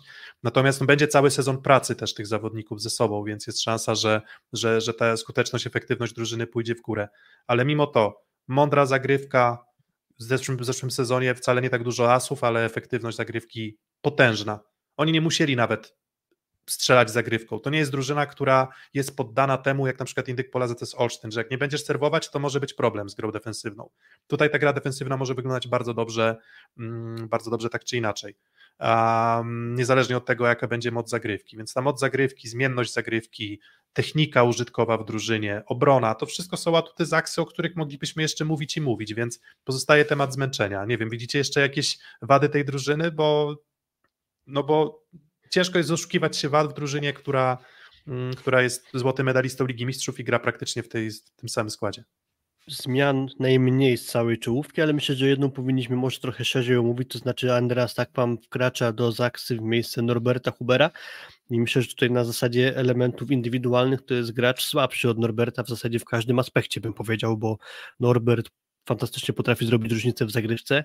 E, w ataku ma dużą różnorodność zagrań, no i w bloku wydaje mi się, że też nie jest graczem gorszym od Andrasa Takwama, więc na pewno Takwam będzie w stanie swoją szybkością na bloku dobrze wpasować się do Zaksy. Warunki fizyczne ma, nie tak często Janusz też korzysta ze swoich środkowych, więc y, pewnie skończy na lepszej efektywności niż to było w Suwałkach, gdzie dużo piłek dostawał od Sancheza, ale większość z nich była taka, że ciężko było wykręcić bardzo dobre liczby, więc tu może trochę postępu być w kontekście skuteczności jego ataku, no ale generalnie to jest zawodnik słabszy od Norberta Hubera. Mm, tylko Zaksa, Norbert Huber był uzupełnieniem tej drużyny i my patrzymy przez pryzmat sezonu kadrowego, natomiast Norbert Huber w barwach Zaksy nie prezentował się aż tak dobrze w poprzednim sezonie. To prawda, wracał po kontuzji, to nie był jego udany sezon. Z tymi wyjątkami z ławki, co mówiłem. Tak, z wyjątkami, tak, tak, dokładnie. W Pucharze Polski, w półfinale Pucharu Polski, a na przykład w finale Ligi Mistrzów nie najlepszy. Dlatego jakby nie patrzę na Hubera w kontekście osłabienia tutaj, dlatego że widzieliśmy parę Smith-Paszycki i to ona decydowała o obliczu tej drużyny w dużej mierze. A Huber wchodził powoli. I oczywiście, jakby jeżeli porównamy sobie z tym Huberem, którego widzieliśmy na kadrze, który był potworem, no to na pewno jest to strata. Ale jeżeli porównujemy z poprzednią drużyną, z zeszłoroczną drużyną, no to tam Huber aż takiego, aż takiego znaczenia dla wyniku i dla poziomu drużyny nie, nie miał. No i trzeba Właśnie... bić ukłony przed Masterpiece yy, sztab, tak? Michał Hadała, Piotr Pietrzak, Paweł Brandt. Dalej zostają, hmm. dalej znają. Pracowali też, yy, Piotr pracował z nimi cały okres kadrowy, więc, więc myślę, że tutaj jakby know-how umiejętności najwyższe. I jeżeli zdrowie i fizyka pozwoli, to główny faworyt do złota bez wątpienia. Natomiast no, kiedyś mi się wydaje, że to zmęczenie musi wyjść, a nie chcę, to będzie głupie, ale w interesie kadry nie byłoby złe, gdyby Zaksa szybciej odpadła z Ligi Mistrzów. Wiem, że zawsze grasz o zwycięstwo, zawodnicy chcą zawsze wygrywać, kibice chcą zawsze wygrywać, ale no w interesie myślę, że kadry i związku, niekoniecznie jest to, żeby oni byli znowu tak dojechani po tym sezonie, po prostu. Chociaż rok temu no, przerwę dał długą trener Gbić relatywnie po, po finale Ligi Mistrzów, no i VNL-u i, i wszyscy, cała trójka, tak, czyli Janusz Kaczmarek i, Jan, i Śliwka zagrali kapitalny VNL, prawda? Mówimy o finale. Mm, no tak, i, i w ogóle też wyglądało to moim zdaniem dobrze od początku. Tam nie wiem, czy pamiętacie na Filipinach, jak Śliwka dołączył, to już od razu wyglądał dobrze. Tak, i Kaczmarek też jednym, wchodził za kulkę. I, i Kacz, tak, i Kaczmarek, i Kaczmarek też. Więc... I Janusz też, poza pierwszymi dwoma setami ze Słowenią, to znowu masterpiece. No i myślę, że on jest, on jest ogromnym atutem, bo mm, jest najlepszym decision maker rozgrywającym w lidze. Z wielką przewagą nad innymi, tak? Więc się nie spala w tych momentach i to też zawsze pomaga i naszej kadrze i Zaksie w tych trudnych momentach. Tak, padło jeszcze na czacie, że mm, Smith i Bednosz to nie są zawodnicy o końskim zdrowiu, mm, są dość podatni na kontuzję. To prawda, teraz będzie za Smitha trochę słabsze zastępstwo w postaci Takpama, w postaci Bednoża, no właśnie, zobaczymy do jakiego poziomu zdąży wrócić Żeliński po tych problemach z kolanem. Cztigoj to pewnie jeszcze nie jest zawodnik, który jeden do jednego będzie w stanie zastąpić Bednoża, w zasadzie jestem przekonany, że jeszcze nie jest, ale potencjał ma na pewno duży, więc tych znaków zapytania jest sporo. I sam jestem ciekaw, gdzie jest granica, siatkarskiej wytrzymałości. W sensie ile, jak długo jeszcze będą w stanie ci gracze, którzy weszli do tego kołowrotka w kalendarza FVB już bardzo dawno, ile będą w stanie jeszcze wytrzymać. Mm, I to chyba jest główna wątpliwość w obszarze Zaksy, bo, nie, nie, bardzo jest się, nie bardzo jest się tutaj czego doszukiwać, jakichś tam gigantycznych, gigantycznych słabości. Jeżeli oceniamy stricte potencjał umiejętności tych graczy, to, to, to dla mnie kandydat do złota. Ja podtrzymuję, że to jest mój typ. Jakby ja utrzymuję, że Zaksa jest moim faworytem do, do złota z uwagi na, na stabilność w składzie i, i potężną jakość. Ale to nie jest mój faworyt aż tak gigantyczny i potężny, jak jeszcze bywało w latach poprzednich. Czyli w poprzednim sezonie mm, miałem obawy o jakość ataku, no bo tam nie wiedzieliśmy, czy Bartosz, typowaliśmy bez Bartosza Bednoża. Więc tam było trochę tak, że ok, nie byłem przekonany, ale w tym zestawieniu z Semeniukiem i Śliwko już mówię, no ok, no oni są głównym faworytem do, do złota, a na pewno do finału. Teraz loteryjny odrobinę mm, model rozgrywek, no i to zmęczenie, ale no, na coś musi paść, to ja stawiam na, na złoto dla, e, dla Zaksy, biorąc pod uwagę nawet te problemy z powiedzmy krótką ławką i problemami zdrowotnymi. To... Ja generalnie nie widzę dużych różnic w jakości tej czołówki ścisłej, ale tak jak powiedziałem, widzę jako złoty medalista Zaksę. Jeśli wejdą do finału, to, to będą dla mnie faworytem. Natomiast różnice są niewielkie i tak naprawdę żadne rozwiązanie kolejności na koniec nie będzie dla mnie super zaskakujące. W sensie drużyny, które dzisiaj omawiamy, dla mnie będą w czwórce, ale trzeba wybrać jedną pozycję, więc niech będzie złoto dla Zaksy. Ja już powiedziałem w odcinku z Piotrkiem ostatnim, kto będzie trzeci według mnie, czyli Warszawa. Powiedziałem, kto będzie drugi i pierwszy. Więc te, te drużyny, które zostały, muszą być bez medalu. Nie do końca. Inaczej, ciężko mi to argumentować inaczej zmęczenie. Po prostu, gdybym miał powiedzieć, że, że, że coś przeszkodzi, to zmęczenie i, i tylko dlatego um, ja typuję tym razem drużynę bez medalu, chociaż sam w to nie do końca wierzę, ale gdzieś jakby nie wiem, znajomość fizyki czy, czy organizmu ludzkiego mi mówi, że to może się w tym roku wydarzyć, chociaż żeby nie było, bo nie chcę, żeby mnie kibice Zaksy zjedli, tak? Mówiłem na samym początku części o Zaksie, że są tu najlepsi zawodnicy na większości pozycji, nasi kapitalni kadrowicze. Gdyby nie byli zajechani ilością 85 spotkań w roku przez dwa lata pod rząd, to myślę, że byłoby, nie, nie stawiałbym tych test po prostu i tyle. No, a bardzo jestem ciekaw też zdania waszego na czacie, bo, bo w sumie obserwujemy ten czat, więc jeżeli macie jakieś typy, albo jak wy oceniacie też Zaksę, kto tutaj ma rację w tym, w tym jakimś tam naszym, naszym sporze. Mm, więc to już się nam układa podium, tak? Bo, bo jeżeli chodzi o, znaczy nie w całości jeszcze, ale jak już się domyśliliście na podstawie tych naszych typów, teraz przejdziemy do Jastrzębskiego Węgla.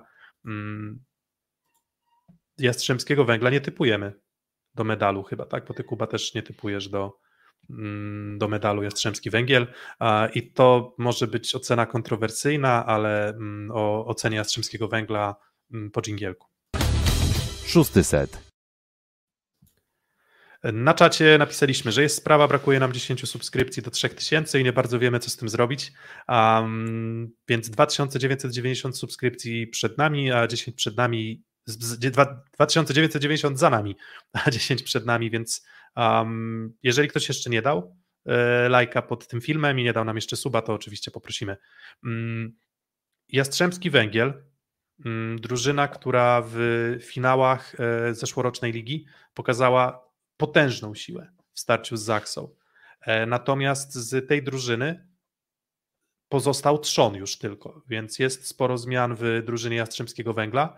Mm, natomiast w zeszłym sezonie Jastrzębski Węgiel chyba był drużyną najbardziej kompletną i wydaje się na dystansie całego sezonu zapracowali sobie na dobrą pozycję wyjściową też przed startem finału, a potem bardzo dobrze przygotowani byli do finału ligi i chyba tylko mogą sobie pluć w brodę, że, że tego finału Ligi Mistrzów e, nie przepchnęli na swoją korzyść, e, ale w samej lidze pokaz siły potężny.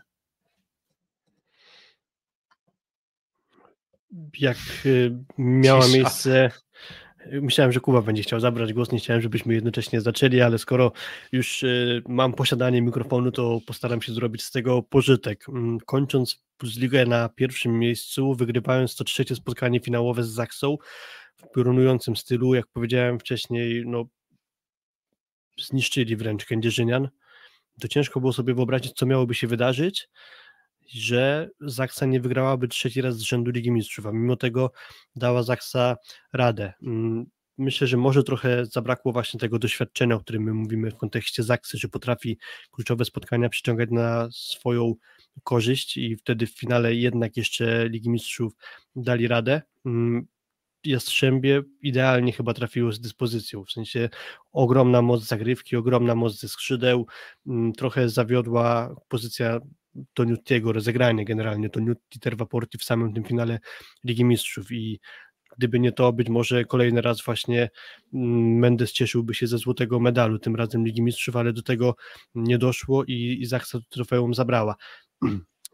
Trochę dwie twarze Jastrzębskiego Węgla. Do mniej więcej listopada super Boye i pewnie wygrywali spotkania, bez w zasadzie żadnej tam porażki chyba. W listopadzie zaczęło się trochę psuć, doszło granie w Lidze Mistrzów, doszła trochę słabsza dyspozycja Boje i na dłuższy okres wpadli w dołek, ale też być może dzięki pracy Mendeza może wiedzieli co robią i forma wróciła na koniec. Fantastyczna postawa w finale.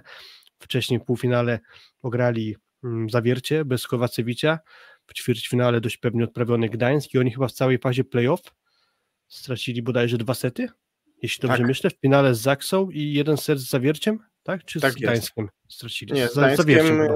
y, z Gdańskim 3 do 0, a jeden set tylko na przewagi, a tak gładziutko. Ale wydaje mi się, że mieli tiebreaka mieli, wiesz, chyba mieli tiebreaka z y, Zawierciem w jednym spotkań, tak mi się wydaje, chyba w pierwszym albo drugim był tiebreak, więc trzy sety stracone. Okej, to tak, tak, dobra. To w takim razie w finale tylko jeden set przegrany z, z Zaksą. I tak, masz rację, tam był jeszcze jakiś tiebreak z zawierciem, ale tak, generalnie no, chodziło mi o to, że wrócili z cięższego momentu i świetnie się prezentowali na koniec sezonu. Mm, Tamten zespół ma sporo przetasowań w składzie. I to takich znaczących. I niekoniecznie, jak już będziemy szli do typowań, to będę musiał powiedzieć, że to jest zespół po prostu kadrowo słabszy. Jeszcze jak kończył się sezon, to zapowiadało się, że tych zmian w kadrze będzie trochę mniej.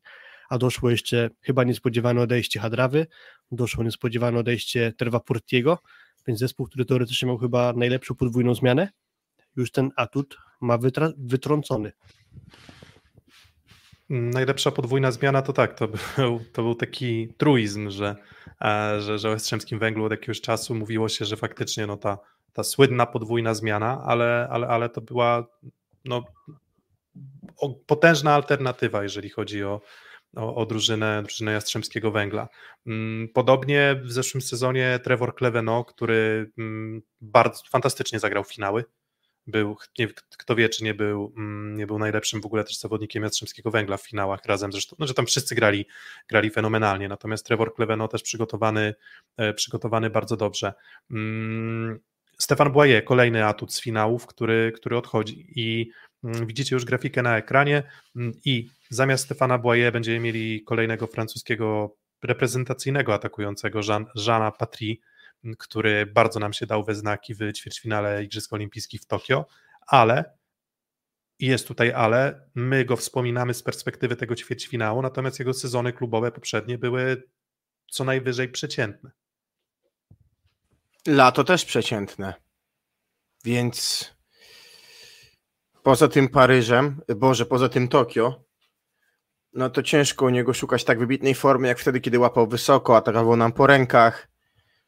Natomiast jest to cierpliwy atakujący, bardziej bliżej mu na pewno charakterystyką do Łukasza Kaczmarka niż Bartosza Kurka, gdzie boje jest pewnie bliżej trochę Bartka Kurka, jeżeli chodzi o charakterystykę, więc tutaj jest taki zawodnik cierpliwy, który dobrze się odnalazł rok temu w Mediolanie, który wyeliminował przecież Perudzie, właśnie tym graniem cierpliwym, e, szanującym piłkę i to jest taki za zawodnik, natomiast wydaje się, że sufit jego jest niżej niż boje, na pewno.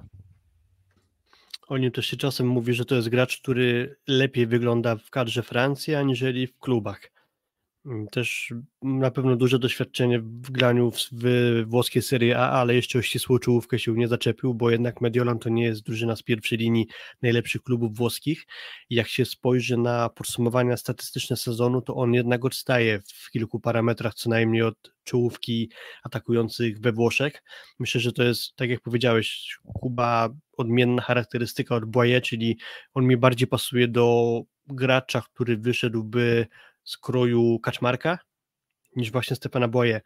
Czyli może trochę więcej poszanowania piłki, może więcej technicznego grania, niż siły uderzenia i zasięgu. Więc y, dla mnie to jest po prostu osłabienie na, na poziomie mm, z, z Boye, w porównaniu z Boye. Nie, niech, też, niech też przemówią liczby. W zeszłym sezonie Ligi Włoskiej 44% skuteczności w ataku Żana, Żana Patry. I tych błędów może nie aż tak dużo, ale efektywność ataku też z gatunku niższych. Jak szukamy porównań. Lagumdzija 49, Dirli 48, Saposzko warto- 54, Romano Przepraszam, 46. ale też warto sprawdzić liczbę piłek na set. On atakuje mniej razy na set niż właśnie ci przez ciebie wymienieni zawodnicy. No, tam Mm. dużo takich piłek trudniejszych jednak nie szło do Jean Patry, tylko do Juego Ishikały, także, także tak, no faktycznie zanim sezon średni, pytanie na ile umiejętność gry szybszej przy Stuniutiego mu pomoże, natomiast no, ktoś musi kończyć te wysokie piłki.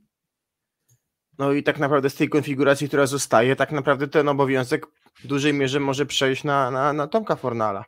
Mm, a z kolei też y, obserwowaliśmy w sezonie kadrowym, że Tomek Fornal z tą, tą siłą na piłce wysokiej ma problem. Gdzieś tam wspominał w rozmowie z nami Oskar Kaczmarczyk też o jego nabiegu do ataku, więc tych piłkach niekonwencjonalnych y, trochę, trochę się męczył, więc wydaje mi się, że no, za, no inaczej, no to nie jest tak, że Tomek Fornal jest skutecznym zawodnikiem, no był jednym z najskuteczniejszych też przyjmujących y, zeszłego sezonu. Przy czym pytanie właśnie, czy nie był tym najskuteczniejszym przyjmującym dzięki systemowi gry który, e, który bardzo pomagał i właśnie też odejściu na, e, na prawym skrzydle, jakie, jakie w każdym momencie Tomek Fornal e, posiadał. Mm, drugie odejście wspominaliśmy o Trevorze Kleveno, my tutaj wpisaliśmy Rafała Szymurę, natomiast na pewno swoje aspiracje też będzie mieć Chorwat Marko Sedlaczek po mm, chyba nie był, wydaje mi się, że nie był w pełni zdrowy na Mistrzostwach Europy, tak, takie przynajmniej wrażenie zrobił, natomiast na Mistrzostwach Europy nie miałem uczucia, że to jest poziom zawodnika, który tę ligę będzie mm, zjadał. Raczej bym powiedział, że to jest dla mnie półka takich zawodników Moritz Karnicek. Jan Martinez. Jan, Jan Martinez. Nie, nie, nie. Ciutkę... Znaczy Martinez nie, bo to jest zawodnik trochę ofensywniejszy. I dlatego tak, tak, ja wiem, ale mówię, nie, że tak półka, wiesz, do klubu ale... właśnie 5-8. To ja bym powiedział, że podobna półka co Rafał Szymura tutaj wpisany na przykład. No, no i Rafał Szymura jest bardziej do 5-8 chyba. No tak, okej, okay. że... dlatego mówię, że porównując, no to bardziej Rafał Szymura właśnie niż y, Nie, nie, nie, ale my... my, my y, a okej, okay, okej, okay, dobra, bo my jakby nie, nie porównujemy ten, znowu 45% skuteczności w lidze włoskiej, gdzie była cała zgraja zawodników przyjmujących, którzy prezentowali się, się dużo lepiej. Na pewno na plus blok u sedlaczka. 0,4 mm. bloku na set, to jest dużo. Tak, i, i, i, ten tak, i ten blok, i ten blok na pewno jest jego atutem, więc on do takiego uszczelnienia drużyny pod kątem defensywnym będzie działać. Zresztą Patrick chyba też tym blokiem pracuje nieźle. Więc w tych aspektach defensywnych wydaje mi się, że nie będzie źle, szczególnie, że przychodzi Norbert Huber, który, który zagrał potężny sezon reprezentacyjny. No i jakby spodziewam się, że on może nie być aż tak zmęczony, bo nie grał całego sezonu ligowego, w kadrze grał intensywnie, ale, ale ty Kuba chyba masz taką tezę, pompujesz, że, że czy, czy, czy wierzysz w to, że Norbert będzie znowu no, zjadał ligę? Ale on zje, kadrowy sezon on zjadł, tak? Wszedł y, w trakcie finału za Mateusza Bieńka z, z USA w VNL-u i od tego no maszyna.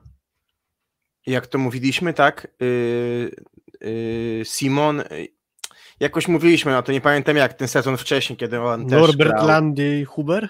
Norbert, dokładnie, no twój krajan zresztą, tak, Norbert, Norbert Landy i Huber i to jest potężne wzmocnienie, myślę, że włodarze Trentino e, muszą sobie ogromnie pluć w brodę, no bo zamiana latem, ta, ta kadrowa różnica między Huberem a Kazemernikiem była ogromna.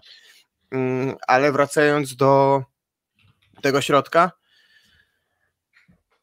Juri Gładyr niezniszczalny, wiele lat, lider szatni, zawodnik, który miewa mecze dalej genialne, jeżeli chodzi o zagrywkę, ale ta zagrywka, sam pewnie Piotrek wiesz po liczbach, bardzo jedno, zero-jedynkowa.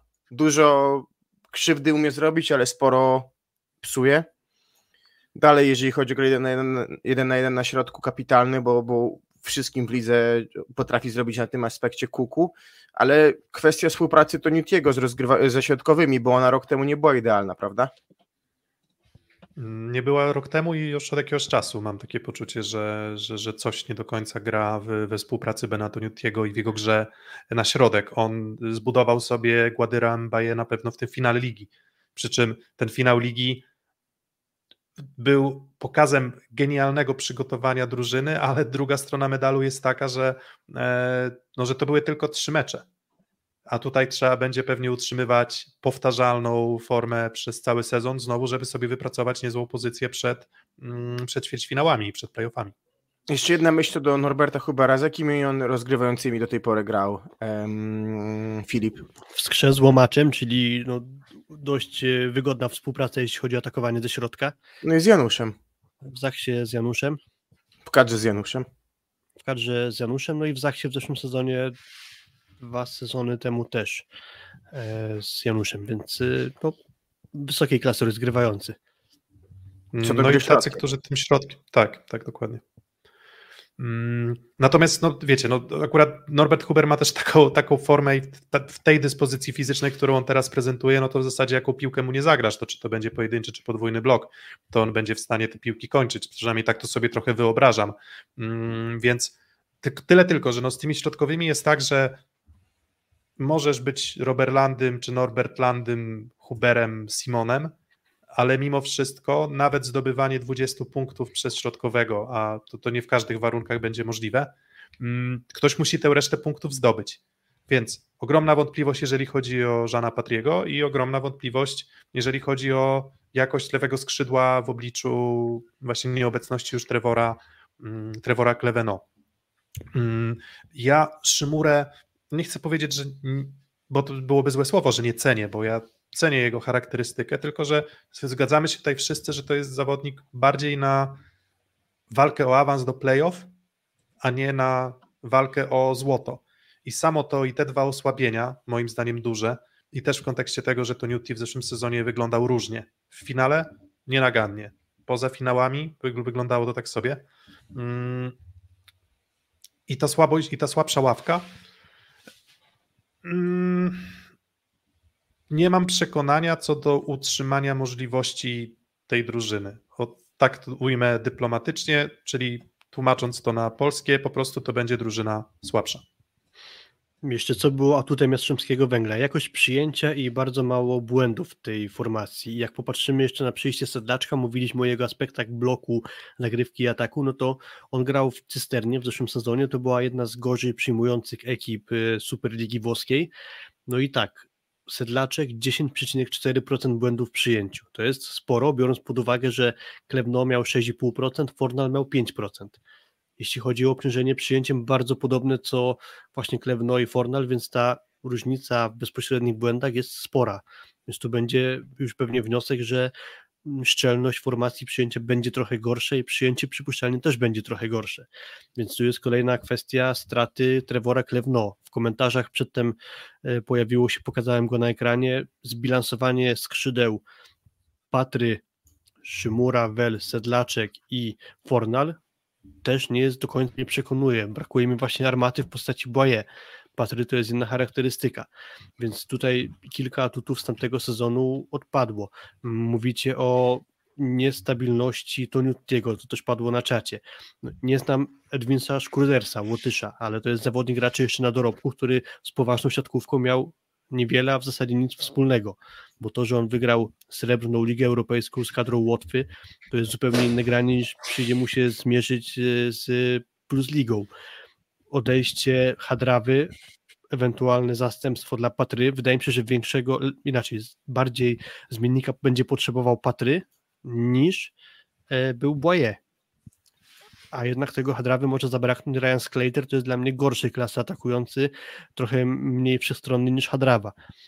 Więc tu dochodzimy do tego, że tych osłabień czy zmiany charakterystyki na gorszą w Jastrzębiu będzie sporo. Jaki jest dla mnie plus albo jakaś iskierka nadziei co do Patriego, no to Mendes było nie było, potrafił znaleźć klucz do dobrej dyspozycji Boye i może w tym samym upatruje właśnie e, kontraktowania Patriego, czyli że też będzie w stanie wykrzesać z niego trochę więcej niż to było w jego poprzednich klubach właśnie Patriego. Pamiętajmy panowie jedną rzecz. Pamiętacie rok temu nagranie odliczanie do ligi o Jastrzębiu? Tam było zero zmian. Znaczy zmianą był chyba tylko czwarty czwarty przyjmujący, prawda? Bo przyszedł Kamil Demski za jakiegoś zawodnika młodego, który poszukał, chyba za Michała Gierżota, albo za, nie, za kogoś, pamiętacie, tak? Była jedna zmiana w tamtym składzie. Potem po kontuzji Łukasza Wysiewskiego przyszedł Musti Mbaye, no i przeżył przygodę życia, też przy okazji budując fenomenalną formę. To była ogromna siła Jastrzębia. Zgranie, które wyciągnęli z sezonu 20 1.22, gdzie też już byli w finale, gdzie byli blisko, gdzie tej, tej, tej Zaksy nie udało się dogonić, czy to w, w, w finale Plus Ligi, czy w Pucharze Polski, czy w Lidze Mistrzów, na której zresztą byliśmy, gdzie też dotknęły ich mocne problemy zdrowotne. I to zgranie było ich ogromną siłą. Teraz mamy trzy zmiany w wyjściowym składzie. Jedną na plus, bardzo duży, dwie chyba na minus. Więc to też I, jest kolejna z, nich, Wiesz, dwie z nich będą na boisku 100% czasu, a jedna będzie Połowę tylko czasu. przez, przez no, trzy- trz- 66%. A no tak, cztery ustawienia tak jeszcze z tyłu na zagrywce. No ale, ale, pod, ale, no ale pod siatką powiedzmy w trzech ustawieniach masz go do dyspozycji w ataku. Mm, No tak, więc- Kubera. To, to, to też myślę, że coś, o czym zapominamy, czy może nie podkreślamy, tak? Że właśnie rok temu to był ten zgrany monolit, który za sobą przepracował już poprzedni sezon jeden cały.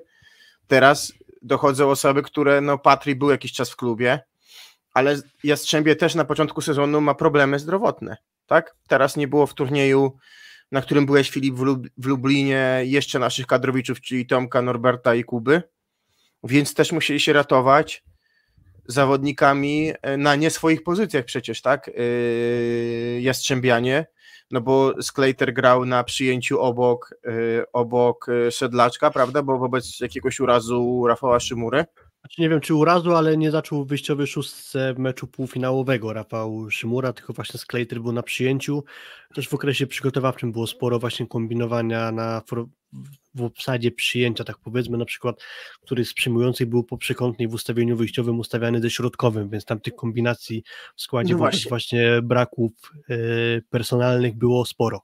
Do tego dochodzi kontuzja Mustiego Mbaye, chyba miesiąc out, niedawno kontuzja to chyba tuż przed tym turniejem w Lublinie się pojawiła, więc od razu do gry będzie musiał wejść Norbert Kuber, no albo będzie grał młody, wypożyczony z zawiercia Adrian Markiewicz, także też tej szerokości składu, jak była właśnie poprzednio, co powiedzieliście, tak, czy alternatywa Szymura na ławce, alternatywa najlepszej podwójnej zmiany, mm, plus Macyra i Dryja na, na, na środku, którzy byli wtedy solidnymi, czy są solidnymi ligowcami, no to tych alternatyw jest po prostu trochę mniej. Mm, Natomiast, y, bo tak skupiamy się na minusach, natomiast z pozytywów, to tak jak wspominałem, em, cały czas y, ta gra defensywna może być atutem Jastrzębskiego Węgla. Mm, A nawet może troszkę mocniejsi Przy czym też są tego, Patry jest zagrywki lepiej broniącym wzmocniona Mm, lepiej broniącym i, i blokują, no blokującym może nie do końca, ale, ale hmm. Mm, Dlatego zastanawiam się po prostu nad tym. e, Zastanawiam się po prostu nad tym, co jeszcze jest atutem. No cały czas przyjęcie powinno być solidne, no bo i tak jest cały czas Toma, cały czas jest Tomek Fornal, cały czas jest Kuba Popiwczak. Szymura moim zdaniem zdarza mu się szarpnąć tym przyjęciem. Mm, Kleweno wydaje mi się, że był jednak bardziej powtarzalny w, przyjęciu, czy Szymura, czy Sedlaczek tutaj to przyjęcie ciut, ciut osłabią. Natomiast no, kluczowe wątpliwości no, to jest właśnie, mm, właśnie Szymura w roli takiego podstawowego już zawodnika lub Sedlaczek, no bo tutaj oczywiście to jest wszystko ze znakami zapytania, zobaczymy jak to poukłada Mendes. Natomiast na pewno plusem jest postać właśnie samego Mendeza, Mm, no bo fachowiec najwyższej, najwyższej próby, przygotował drużynę bardzo dobrze i, myślę, że nikt w Jastrzębskim Węglu nie żałuje zatrudnienia e, Marcelo Mendeza mm, w poprzednim sezonie i, i, i to cały czas jest atut, więc mm, oceniamy trochę na podstawie tego, co się będzie działo teraz, przy czym no też spoglądamy na, na Patriego i to jest zawodnik 26-letni. Więc to nie jest zawodnik, który nie może odbudować się, to nie jest zawodnik, którego nie wiem, należy skreślić i to też jest zawodnik, który grał już lepsze sezony. Tyle, że akurat tak się złożyło, że ostatnie dwa były, były dość nieudane. jeśli nawiążę do swojej dyspozycji z ćwierćfinału w Tokio, gdzie, znaczy ćwierćfinału w zasadzie całego olimpijskiego turnieju w Tokio, to będzie wzmocnienie jednak, w sensie wzmocnienie, że to nie będzie taka wyrwa względem Boye, bo wtedy wyglądał świetnie i względem skuteczności, i względem w ogóle fizyki swojej, no to był w topie, można powiedzieć. Tylko właśnie kwestia tego, czy będzie w stanie do tego nawiązać, a minęło już trochę lat, bo mamy rok 2023, a w Tokio było w 2021 i pytanie, jak będzie mu się chciało. W cudzysłowie oczywiście. Mamy ten Paryż w perspektywie, więc teoretycznie powinien już zdążać powoli z formą na to, żeby być w swoim topie. Ale też krótszy sezon kadrowy, teraz już trafił dość szybko do Jastrzębia, zdrowy, więc obiektywnych przesłanek do tego, żeby zaczął dobrze sezon jest sporo. Toniutti też ten sezon kadrowy, wiecie, zaczął świetnie VNL, zaczął na wyjściowym składzie mecz z USA, ten ćwierćfinałowy, potem za niego wszedł Blizzard i on tak naprawdę już potem kontynuował sezon, bo miał problemy, o których mówił mi też nawet na memoriale Wagnera Benjamin Toniutti z kontuzjami tak naprawdę na tych mistrzostwach Europy dużo nie zagrał. Ale myślę, że te finały rok temu dużo mu dały, bo on chciał pokazać, że jest w stanie też poza Zaksu odnieść sukces i, i myślę, że No ale z kolei finał Ligi Mistrzów, przepraszam, że ci przerwałem, ale finał Ligi Mistrzów zawalony uważam przez niego. No bo równe mecze, teraz- myślę, że to jest kwestia równych spotkań. Jeżeli chodzi o grup, e, o spotkanie z Pałami, ja myślę, że z Jastrzębiem będzie tak, że zespoły słabsze od siebie będą ogrywać. Że zespołami tam no, 6 6-16 powinni bez problemu w tej lidze wygrywać. Mm, No, myślę, że myślę, że tak. Dużo, cały czas mówię, jest tutaj dużo jakości, wystarczająco dużo. No nie bez Dokładnie. powodu też jest tak, że mówimy o tej takiej czołowej piące, która, e, która, która odstaje pewnie od, od reszty stawki. Mm, Jeszcze tak spojrzałem na tego, na tego Patri, Patri żeby mieć jakby pełnię, pełnię sytuacji. Poprzedni sezon toczka w toczkę prawie taki sam, czyli ataków jeszcze mniej niż na set niż wcześniej, dalej 43% skuteczności tylko. Mm, Ciut, ciut lepszy na zagrywce, ciut więcej asów oczywiście, jeżeli tym mierzymy i ciut więcej bloków punktowych, bo nie 0,3, a 0,4. E, Natomiast jeżeli chodzi o obawa jest o atak, więc to nie jest tak, że to był jeden sezon taki sobie Patriego, tylko był to sezon, były to już dwa sezony i to nie był, wiecie, czasem jest tak z tymi liczbami, jak spoglądasz na inne ligi, że jeżeli zawodnik masz Petkowicza, atakuje ci 9-10 razy na set w sorze, no to ciężko jest oczekiwać, wiadomo jakie, jak, jakie on musi dostawać piłki i to muszą być piłki trudne. Tutaj jest tak, że Filip podnosiłeś to, że tych ataków na set dużo nie ma, więc brakuje mi po prostu siły ognia w tej drużynie i tyle, po prostu. I, i tego, tego będę się trzymał.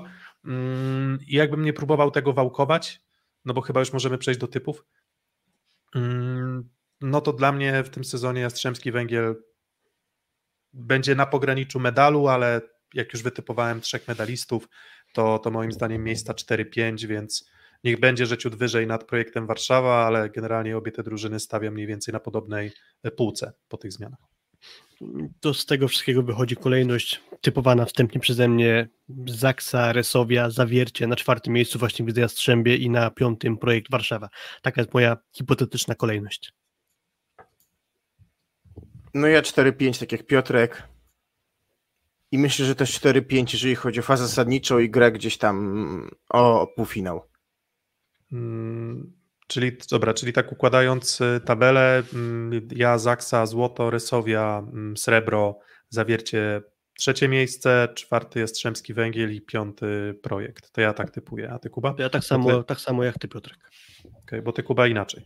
Bo ty, Jeden Resowia, dwa Zawiercie, trzy Projekt, cztery Zaksa, pięć Jastrzębie. No właśnie dlatego chciałem dopytać, bo to nie do końca tak jak ja jednak, e, szczególnie w tym, w ty, w ty, jeżeli chodzi o te miejsca dalsze.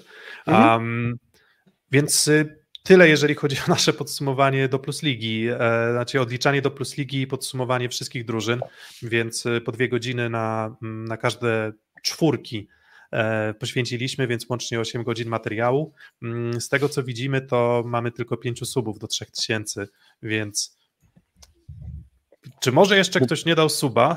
Zaraz będziemy, wiecie, wywoływać do tablicy wszystkich, um, więc, y, więc dajcie, dajcie, dajcie nam te suby, bo wiecie, tak symbolicznie to dla nas będzie bardzo Wiecie, istotne. życia nam to nie zmieni, ale ładnie wygląda na kanale, jak jest trójka z przodu. I to tak na początek, więc- wiecie, na początek ligi to taki symbol.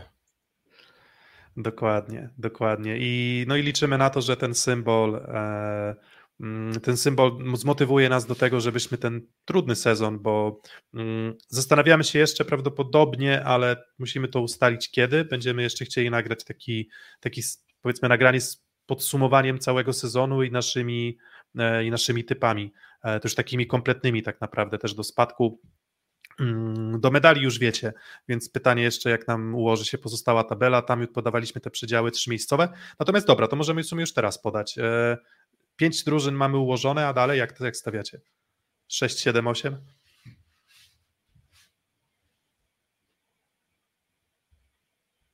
Filip, wyciszony jesteś? Dobra, w takim razie szóste miejsce Olsztyn, Olsztyn, siódme Nysa, Gdańsk, ósme dla mnie Lublin albo Gdańsk. Dobra, niech będzie, że Gdańsk. Nysa, Dziewiąte to teraz Lublin, Zgoda, dziesiąte Skra, Suwałki, ok, dla mnie jedenaste Katowice, Skra, 12 Lubin, Katowice, Lubin, 13 u mnie już Suwałki teraz, Katowice, ok, i trzy ostatnie pozycje dla mnie Lwów, Częstochowa, Radom. Radom, Lwów, Częstochowa. Okej, czyli dobra, wy, wy się wypowiedzieliście, ja tam się już nie, nie wtryniałem. E, szóste Trepl, mm, siódme AZS, mm, ósmy Luk, Lublin, mm, dziewiąta Skra, dziesiąty, dziesiąte... Nysy jeszcze nie wymieniłeś jakby co? Tak, dziesiąta, no to tak, dziewiąta Skra, dziesiąta Nysa, mm, jedenaste Suwałki, dwunaste miejsce Kuprum, trzynaste miejsce GKS, czternaste Lwów, piętnaste mm, Radom czy Częstochowa? mm, mm, a nie, no Radom, jednak, jednak, jednak niech będzie, niech będzie Radom i, i Norwid Częstochowa na ostatnim miejscu. E, Więc, No e, więc, więc takie, takie typy, więc możemy je gdzieś tam na Twitterze przypiąć sobie do profilu, umieścimy e, i, i, i I zweryfikujemy. usunąć w odpowiednim momencie. Tak, i usunąć w odpowiednim momencie. Jesz, jeszcze raz? Jeszcze trzy suby. Jeszcze trzy suby. No to żebramy, że pchamy, pchamy, Pchamy, pchamy. pchamy. pchamy. Jak macie jakieś, jak macie jakieś zapasowe konta na YouTubie, to wiecie co, co robić. Dokładnie. Dokładnie. Właśnie ja muszę sprawdzić. Zawsze możecie jeszcze, wiesz, utworzyć nowe, zawsze możecie utworzyć nowe. Właśnie muszę, muszę sprawdzić, jak to moje konta na Gmailu, bo tam mam śmieciowe i takie, takie ładniejsze, to może tam dorzucę. No ale to nie chcielibyśmy się uciekać do takich e, do Nie, takich nie, nie. Nie, Dokładnie. Chcemy sobie dobrze zapracować po prostu na te subskrypcje, a nie tutaj wyżebrywać. Więc sobie trochę żartujemy, ale już naprawdę nam niedużo brakuje, żeby barierę kolejnego tysiąca subskrypcji przebić. Justin, Justin Kermit, nie kończcie, póki nie będzie 3000. A właśnie ile, ile już mamy? 298, 2996. E, to chcecie jeszcze kontynuować, żeby to zrobić to, co Justin? czy Ej, ktoś nam odsubskrybował kanał, bo przed chwilą było 2997, więc w swoim kierunku zmierza, może jednak kończmy. Dobra, dobra, dobra. No to liczymy na to, że ktoś, kto będzie oglądał nasz materiał już po, e, po, po wszystkim, em, dorzuci nam jeszcze cztery subskrypcje i, i podziękowaniu za naszą ciężką, wytężoną pracę. Jak zwykle miałem bardzo dużo fanu przy odliczaniu do Plus Ligi, bo to jest zawsze dla mnie taki rzetelny moment na przejrzenie i można sprawdzić się w ciężkim Mavenowskim trudzie, e, co wytypujesz i jak, jak przywidzisz i kto będzie, kto będzie tutaj niespodzianką. E, O właśnie, to jeszcze może takie pytanie na sam koniec, albo dobra, Igor Stobiecki, dwa pytania. Kto zdobędzie Superpuchar e, według Was, bo w Superpucharze Zaksa z Jastrzębiem. Ja myślę, że Zaksa. Dlatego, że oni systemowo są lepiej przygotowani. W sensie trochę odpoczną reprezentanci i będą w zasadzie grali to, co grali do tej pory. W Jastrzębiu z kolei mamy trochę zmian w wyjściowej szóstce, więc oni moim zdaniem się nie do końca jeszcze zdążą przygotować na Zaksę. Plus część osób nie wygrała w Superpucharu, bo Żaksa raczej przygrywa Superpuchar niż wygrywa, więc będzie głód wygranej. E, No tak, to no ja to w też takim razie jeszcze brakuje podobnie. jeszcze klubowego Mistrzostwa Świata Zaksie, no to może za rok w takim razie. Teraz Super Dokładnie. Puchar, a za rok klubowe Mistrzostwo Świata, jeśli się w końcu uda ogarnąć ten nieszczęsny kalendarz, ale to już melodia przyszłości. Mm, Dobra, to jeszcze, jeszcze jeden wątek. Miałem ze wszystkich 16 drużyn. em, gdybyście mieli wybrać te, które w stosunku do naszych przewidywań, oczekiwań bookmacherów uważacie, że będą grały poniżej albo, albo powyżej swojego potencjału? Mm, Myślę, że jak odpali Malinowski, to Lublin może grać powyżej oczekiwań. Nie wiem, czy dobrze zrozumiałem pytanie, ale Lublin uważam, no, że będzie grał Tak, trochę no czarne, nazwijmy, nazwijmy to czar, czarne konie i, i blade konie, o tak. Okej, okej. No to myślę, że Lublin może być powyżej oczekiwań. Z kolei takim dużym rozczarowaniem może być Gdańsk, jak dla mnie. Mm, Kuba? Rozczarowanie Suwałki, a zaskoczenie zaskoczę wszystkich. Radom. O kurczę, no to szok. Czyli, że co, że nie będą aż tacy drastycznie źli? Yy, Myślę, że ja, ja, dobra, co, co, co to to, to Dorowicz efekt. Sz- Siedem wygranych. Fu, No to żeś chłopie To zaszalał. tyle, co w dwóch poprzednich sezonach łącznie. Nie żartuję, nie pamiętam. Zeszłym Todorowicz efekt plus, plus to prawe, wiesz, tam myjniec z gomułką na zmianę. Raz coś- na jakiś czas komuś się wylosuje, tak? Że dobre, dobre partido. Ale Todorowicz efekt generalny i chłopak na pewno zostanie w plus lidze, jestem przekonany. Znaczy, 2999 już mamy, więc jeszcze, jeszcze Tak jedna, jest. więc jeszcze musimy Dużamy, to gadać. w takim razie ja jeszcze wytłumaczę, dlaczego uważam, że Gdańsk Idę jest potencjalnie wiesz? ceniany albo może okazać się rozczarowaniem. Po pierwsze osłabienie na tachu, bo nie widzę, żeby Kevin Sasak mógł wejść w buty Bartłomieja Bołądzia. Po drugie osłabienie na przyjęciu, bo o ile szanuję wybór fińskiego libero Wojto Kojka, no to jest dla mnie pewne ryzyko, że nie zastąpi w takim stopniu mm, Luka Perego. No i też cała formacja przyjęcia może wyglądać trochę słabiej. Mm, No i Lukas Kampa, który już trochę chyba odchodzi od tej swojej najlepszej jakości. To wszystko może się poskładać w ten sposób, że trochę już wiemy, co oni chcą grać i może przez to będzie im trochę trudniej. Stąd też jak typowałem, Gdańsk poza playoffami. To jest moja definicja tego, że mogą po prostu rozczarować. I mamy 3000 tyś- subskrypcji. Trzy, nawet 3001, więc ktoś jeszcze się zlitował, żeby teraz nam nie zabrać. Tak jak testowiron nam tutaj pomarańcze zabiera, że aż poczęstuj się. Wiesz, to, Dziękujemy, dziękujemy. dziękujemy bardzo, ale kojarzy się teraz taki obrazek, jak teraz jest z Szymonem Hołownią, nie wiem czy kojarzycie, tak? Że na podium i ten trzeci, który tam się cieszy, otwiera szampana, nie wiem czy kojarzycie, tak? Bo Tak, tam tak.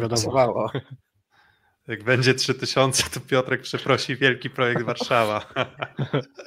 No nie, no w sensie, wiecie, to tam się czasem trzeba się trochę nie zgadzać też dla, dla, dla zasady, natomiast no zobaczymy, no w sensie Ja widzę szansę rzucę na... tezę, Ale nie- nie- nie przepraszam. projekt Warszawa z Pucharem Challenge, ja rzucę tezę.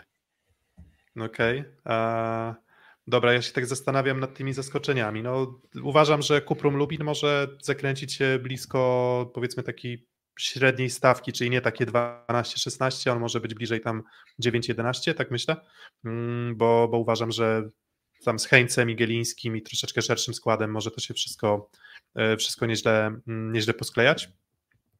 Mm, Jeżeli chodzi o rozczarowania, no to tak w kościach czuję, że coś z tym zdrowiem w AZS-ie nie zagra i tutaj może być problem. Um, pewien, czyli że, że tak mówię 6-7, ale mm, tak myślę, że to może z tego wyjść taki sezon nijaki. Wystarczy, że tam jeden problem będzie zdrowotny, nie wiem, szerszeniem czy alanem i myślę, że to już może, może się posypać. Didaskalia jeszcze może, bo wiemy, że przedłuży się inauguracja w hali Urania z kolei, bo wysyłałeś Piotr dzisiaj takie informacje, że miał być listopad, a prawdopodobnie najwcześniej będzie grudzień. Um, dokładnie. Mm, jakieś dodatkowe prace jeszcze zostały mm, zlecone wykonawcy e, firmie Mirbut i, i wstępny plan był na połowę listopada, natomiast na teraz tym terminem powiedzmy realniejszym jest pewnie mecz z Lukiem Lublin e, w połowie grudnia, domowy, a jeżeli nie, nie, nie mecz z Lukiem Lublin, no to wtedy już pozostaje początek stycznia, e, czyli i wtedy mecz chyba z Treflem Gdańsk, jeżeli dobrze, jeżeli dobrze sprawdzałem. Natomiast, natomiast no niestety te, te, te, te odbiory mają to do siebie, że potrafią się przedłużać, natomiast jeżeli to się nie przedłuży tak jak w Radomiu, bo w Radomiu to ile tam, ze dwa lata chyba e, ta hala jeszcze czekała na oddanie, więc jeżeli to będzie nie wiem, miesiąc teraz, to już w te czy we w te, to, to aż tak drastycznie sytuacji nie zmienia. Mm, Chociaż nie będę ukrywał, że wolałbym już po prostu przyjeżdżać do Olsztyna na meczek, niż tam jeszcze się tułać po, e, po Iławach. I myślę, że nie tylko, mm, nie tylko ja. Więc z rozczarowań tak jeszcze się zastanawiam, kto ewentualnie ponad stan e, mógłby, mógłby zagrać. Em, Na pewno ktoś taki będzie, bo to jest też zawsze ciekawe, że zawsze ktoś się musi trafić. My tak zawsze typujemy i nigdy nie jesteś w stanie trafić w 100%. W zeszłym sezonie na przykład PSG Stalnysa była. mm, No Skra myślę, że też była- duże rozczarowanie. Poza Iskra-. Iskra była rozczarowaniem. Taka. Dokładnie, bo my tam mówiliśmy skra, może 8, może 7, gdzieś tam, ale, ale nie 12. Um, więc, więc może to. Um, typy na pierwszą kolejkę, bo to jeszcze pytanie, pytanie na priv e, zadał Kuba. To czy teraz chcemy je poruszać? możemy poruszyć chyba, co nie? To już będziemy mieli. Na pewno mieli się w naszych social mediach, więc będzie to w razie czego do sprawdzenia. Natomiast jeśli chcemy, no to w takim razie lecimy do 4000 subskrypcji dzisiaj. Dokładnie, 24-godzinny live i, i jedy, tak, zadawajcie wszystkie pytania, jakie chcecie i postaramy się Typujemy wszystkie odpowiedzieć. kolejki dzisiaj. Wszystkie kolejki dzisiaj typujemy. Je, tak, jedno, jedno wasze pytanie, jedna subskrypcja. To możemy tak się umówić. Jeszcze, jeszcze tysiąc pytań musicie nam zadać. Um, dobra, zaczynamy sezon od meczu PSG Stalnysa. Dobra, udostępnię może, może stronę ligi, e, żeby, żeby wszyscy widzieli, jakie tam mecze nas czekają. Swoją drogą też mnie zawsze zastanawia, dlaczego na stronie ligi te mecze nie są posortowane według dat. Chronologicznie. Tylko, Dokładnie. tylko są jakieś takie mm, porąbane. Chro... No właśnie nie są, właśnie nie są chronologicznie niestety. E, PSG Stalnysa No kontra Właśnie, właśnie o to chodzi, Węgiel, że, że nie jest- są chronologicznie, to chciałem przekazać. Sorry. Dokładnie, dokładnie. A więc e, 17.30 otwieramy sezon w Nysie. Do Nysy przyjeżdża Jastrzębski Węgiel. Um, Nysa przygotowania pełne? Chyba? Um, no ale 3-1 chyba też nie, Jastrzębie. Myślę, że jednak jest Strzębie, mm, mi- mimo, mimo, mimo wszystko. W sensie walka ze strony Nysy, tiebreak może, ale, ale finalnie jednak więcej jakości widzę w Jastrzębskim Węglu, plus jeżeli chodzi o Nysę, to mm, jak wspominaliśmy w odcinku o samej Nysie, że, że problemy, problemy z przyjęciem są dalej aktualne. I o ile nawet w Jastrzębskim Węglu ta siła zagrywki może ciutkę osłabła, tak, mm, tak nie zmienia to faktu, że, że, że myślę, że jakość w Jastrzębiu wyższa, więc 3-1 Jastrzębie. Tak. Zagrywka techniczna po stronie Jastrzębia, myślę, że tam sporo szkód się zrobi, więc tak, niech będzie 3 do 1 dla Jastrzębia. Bogdanka Luk Lublin kontra Enea Czarni Radom. Kuba, czy to ten mecz, w którym wylosuje się potężny Meli Melianac? Nie, tu 3 3-1 3-1 Lublin. Mm, Taki sam mecz inauguracji sezonu też y, był rok temu. Lublin właśnie grał z Radomiem wtedy dość dla mnie zaskakująco Tak Radom wygrał to spotkanie 3 do 2. Teraz nie widziałem meczu nie- niedzielnego Lublina, więc nie wiem co się wydarzyło, że przegrali z Saturnią, z Beniaminem Rezerwy. Serie A, a rezerwy Lublina. Z kolei całkiem nieźle poukładana była już gra w sobotę i super wyglądał Mateusz Malinowski. To jest dla mnie barometr tego zespołu, bo bez tego, że Malinowski mi imponował, dobrze poukładana ta gra była, to stawiam, że Lublin to wygra. Niech będzie 3 do 1. Mm, to ja też, też 3 do 1 dla, Ale mm, zgodni co do piątku. dla Lublina, czyli, czyli 3-1 Nysa i 3-1 Czarni. Um, dalej mamy mecz sobotni pierwszy, czyli grupa Azoty Zaksa kontra PGE Giek z Krabełchatów. Y, To, co widziałem w meczu PGE z Krybełchatów nie napawało mnie specjalnym optymizmem e, w trakcie, bo zresztą z Zaksu zmierzyli się w, w meczu o brąz. Mm, I względnie Przetrzymioną pod, Zaksu, prawda? i to, i to był Czyli względnie w pierwszej linii 100 ataków. tak, tak, i względnie, względnie podstawowym e, składem skry poza łomaczem. Lemański, Lemański za bandami, Lipiński nie imponuje, Chitigo nie imponuje, bandami. Konarski, mm, Konarski wyglądał tak sobie. No Zaksa, Zaksa wygrywa moim zdaniem za trzy punkty. 3 do, 3 do 3-0. 1, niez- niezależnie od zmęczenia, ale, ale myślę, że jakość Zaksy To ja nawet 3 do 0 dam dla Zaksy. bardzo wysoka. Um, drugi mecz w sobotę 20. Tak, KGHM Kuprum Lubin versus Barkom Karzany Lwów. Tak jak powiedziałem, że Lubin będzie mocniejszy, no to, mm, to też się tego mm, trzymam i moim zdaniem tutaj 3 do 1 wygrywa Kuprum. Po tej mnie- Kuprum. Ja 3 do 1 Kuprum, Tupci po sezonie kadrowym, Paloński po sezonie kadrowym. E, bardzo okrojony skład na przygotowania, w dużo lepszej sytuacji jest Kuprum Lubin. W zasadzie chyba tylko bez Pawła Ruska jako trenera, ale skład jest szeroki na to przygotowania, więc obstawiam, że dobrze zaczną sezon 3 do 1 dla mnie, dla Lubina. Mm, Grande Indory z Olsztyna, ale jednocześnie jeszcze ciągle w Iławie versus Aluron CMC Warta Zawiercie. Zawiercie osłabione, o czym mówiliśmy, bez Bieńka i bez Szalachy na, na początek sezonu. Z drugiej strony w barwach Indykpolu AZS-u, AZS-u Olsztyn em, zawodnicy, którzy pięć treningów dosłownie em, mają ze sobą w tym i roz, nowym rozgrywającym. Cudów się nie spodziewam. Życzeniowo 2-3, czyli tiebreak dla zawiercia. Nie leży zawierciu hala w Iławie. Więc A, to to dlatego... a Butr, Butrynowi się podobała akurat, więc wiesz. To A no na tak, faktycznie. A, drugą- Butryn. 3-1 zawiercie. drugą stronę, Dla ale życzeniowo, też. życzeniowo 3-2, ale, ale zawiercie przygotowania dłuższe ze sobą. Nie widzę, nie widzę AZS-u w pierwszych kolejkach na razie. Zresztą. Tak, ja też- hi- Sorry, Filip, mów, mów. Nie, tylko typ 3 do 1 dla zawiercia dla mnie i, i już oddaję Ci głos. Myślę, że historycznie te debiuty AZS-u były słabe. W zeszłym sezonie z Zaksą paskudny mecz, okropny mecz. Dwa lata temu z Rysowią okropny. mecz. Byliśmy. Byliśmy, i wyglądało na to, inauguracji w Iławie. Wyglądało to bardzo źle i, i w zasadzie nie spodziewam się, żeby było inne specjalnie inaczej. Dalej, niedziela, 20, 22 em, października, Aseko Rysowia Rzeszów, projekt Warszawa, no to tutaj projekt 3 do 1. Tak jest, pełna zgoda. Obawiam się porażki Rysowi do zera, ale życzeniowo w takim razie sobie pozwolę na typ 3 do 1 dla projektu. Rysowia przetrzebiony skład, słaba prezentacja, słaba, słabo się prezentuje aktualnie projekt na innym biegunie przygotowań składu na ten moment, więc 3 do, 3 do 1 życzeniowo, ale 3 do 0 nawet się obawiam. Mm, Mówię, no chyba, że jakimś cudem to wszystko zaskoczy momentalnie w Resowi, że, że, że ze zgraniem, ale mm, myślę, myślę, że może być, może być problematycznie. Um, kolejny mecz y, niedzielny to już 20.30 GKS Katowice kontra Trefl Gdańsk. Mm, nie mam przekonania do GKS-u, a mam przekonanie na początku sezonu do Trefla. Myślę, że przyzwoicie wyglądają w meczach sparingowych, więc, więc tutaj postawię na, na, na, na Trefla 3 do 1 dla Trefla. Tiebreak Trefla. będzie bez kampy chyba, dobrze myślę? Tak.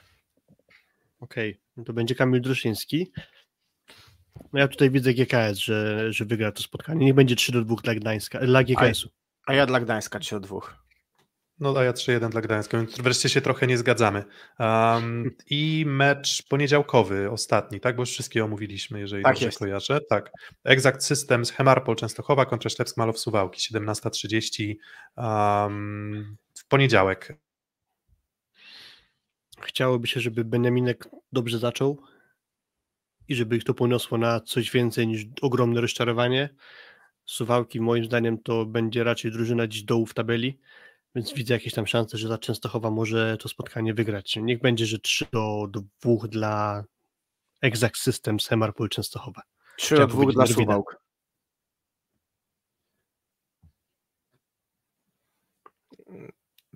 Piotruś, ostatni mecz typ, nie wiem, bo czy my...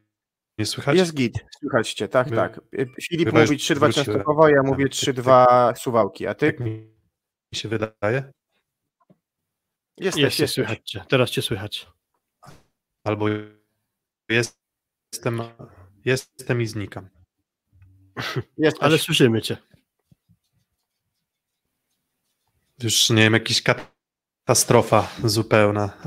E, dobra, teraz? Teraz chyba już jest płynniej. Jesteś, jesteś. Mnie. Filip mówił 3-2 dla Częstochowi, a 3-2 dla Suwałk, a ty? Mm, 3-1 dla Suwałk. Dobra. I myślę, że ten twoje problemy, e, Piotrek, to symbol, że Tak, Czas dokładnie. kończyć. Kończymy na Internet dzisiaj. z wiaderka już na ukończeniu. Dokładnie. Rozlało Dziękujemy mi się bardzo. trochę. Ko, wiesz, koty, koty przebiegały i rozlało mi się wiaderko. 3004 subskrypcje. Mamy po zakończeniu naszego cyklu Odliczamy do Plus Ligi. Dziękujemy bardzo Wam dzisiaj za to, że byliście i dziękujemy za bycie z nami przez cały ten cykl, przez sezon reprezentacyjny. Mm, Jak często będziemy, mm, będziemy nagrywać, bo tam padło to pytanie. Prawdopodobnie raz w tygodniu, to tak ustawiamy sobie taki benchmark. Y, Terminami będziemy rotować, bo będzie zależało to od terminarza mm, naszego, ale też i ligowego do końca, ale podejrzewam, że gdzieś tam poniedziałki, wtorki to chyba jakoś tak wstępnie myśleliśmy, że to może być niezły termin na to, żebyśmy mogli się spotkać i z wami porozmawiać, no i omówić te wydarzenia, no bo liga jest taką historią, którą będziemy starali się wam opisywać, być Malować. narratorem, malowa, malować, być takimi narratorami mm, tego, co się dzieje w Plus Lidze w tym sezonie. Um, dzięki za dzisiaj. Ze studia w Warszawie mm, Piotr Złoch. Dzięki ze studia w Rzeszowie. Filip Korfanty, cześć. dziękuję bardzo, Kuba. Dzięki za dzisiaj. Do usłyszenia. Cześć.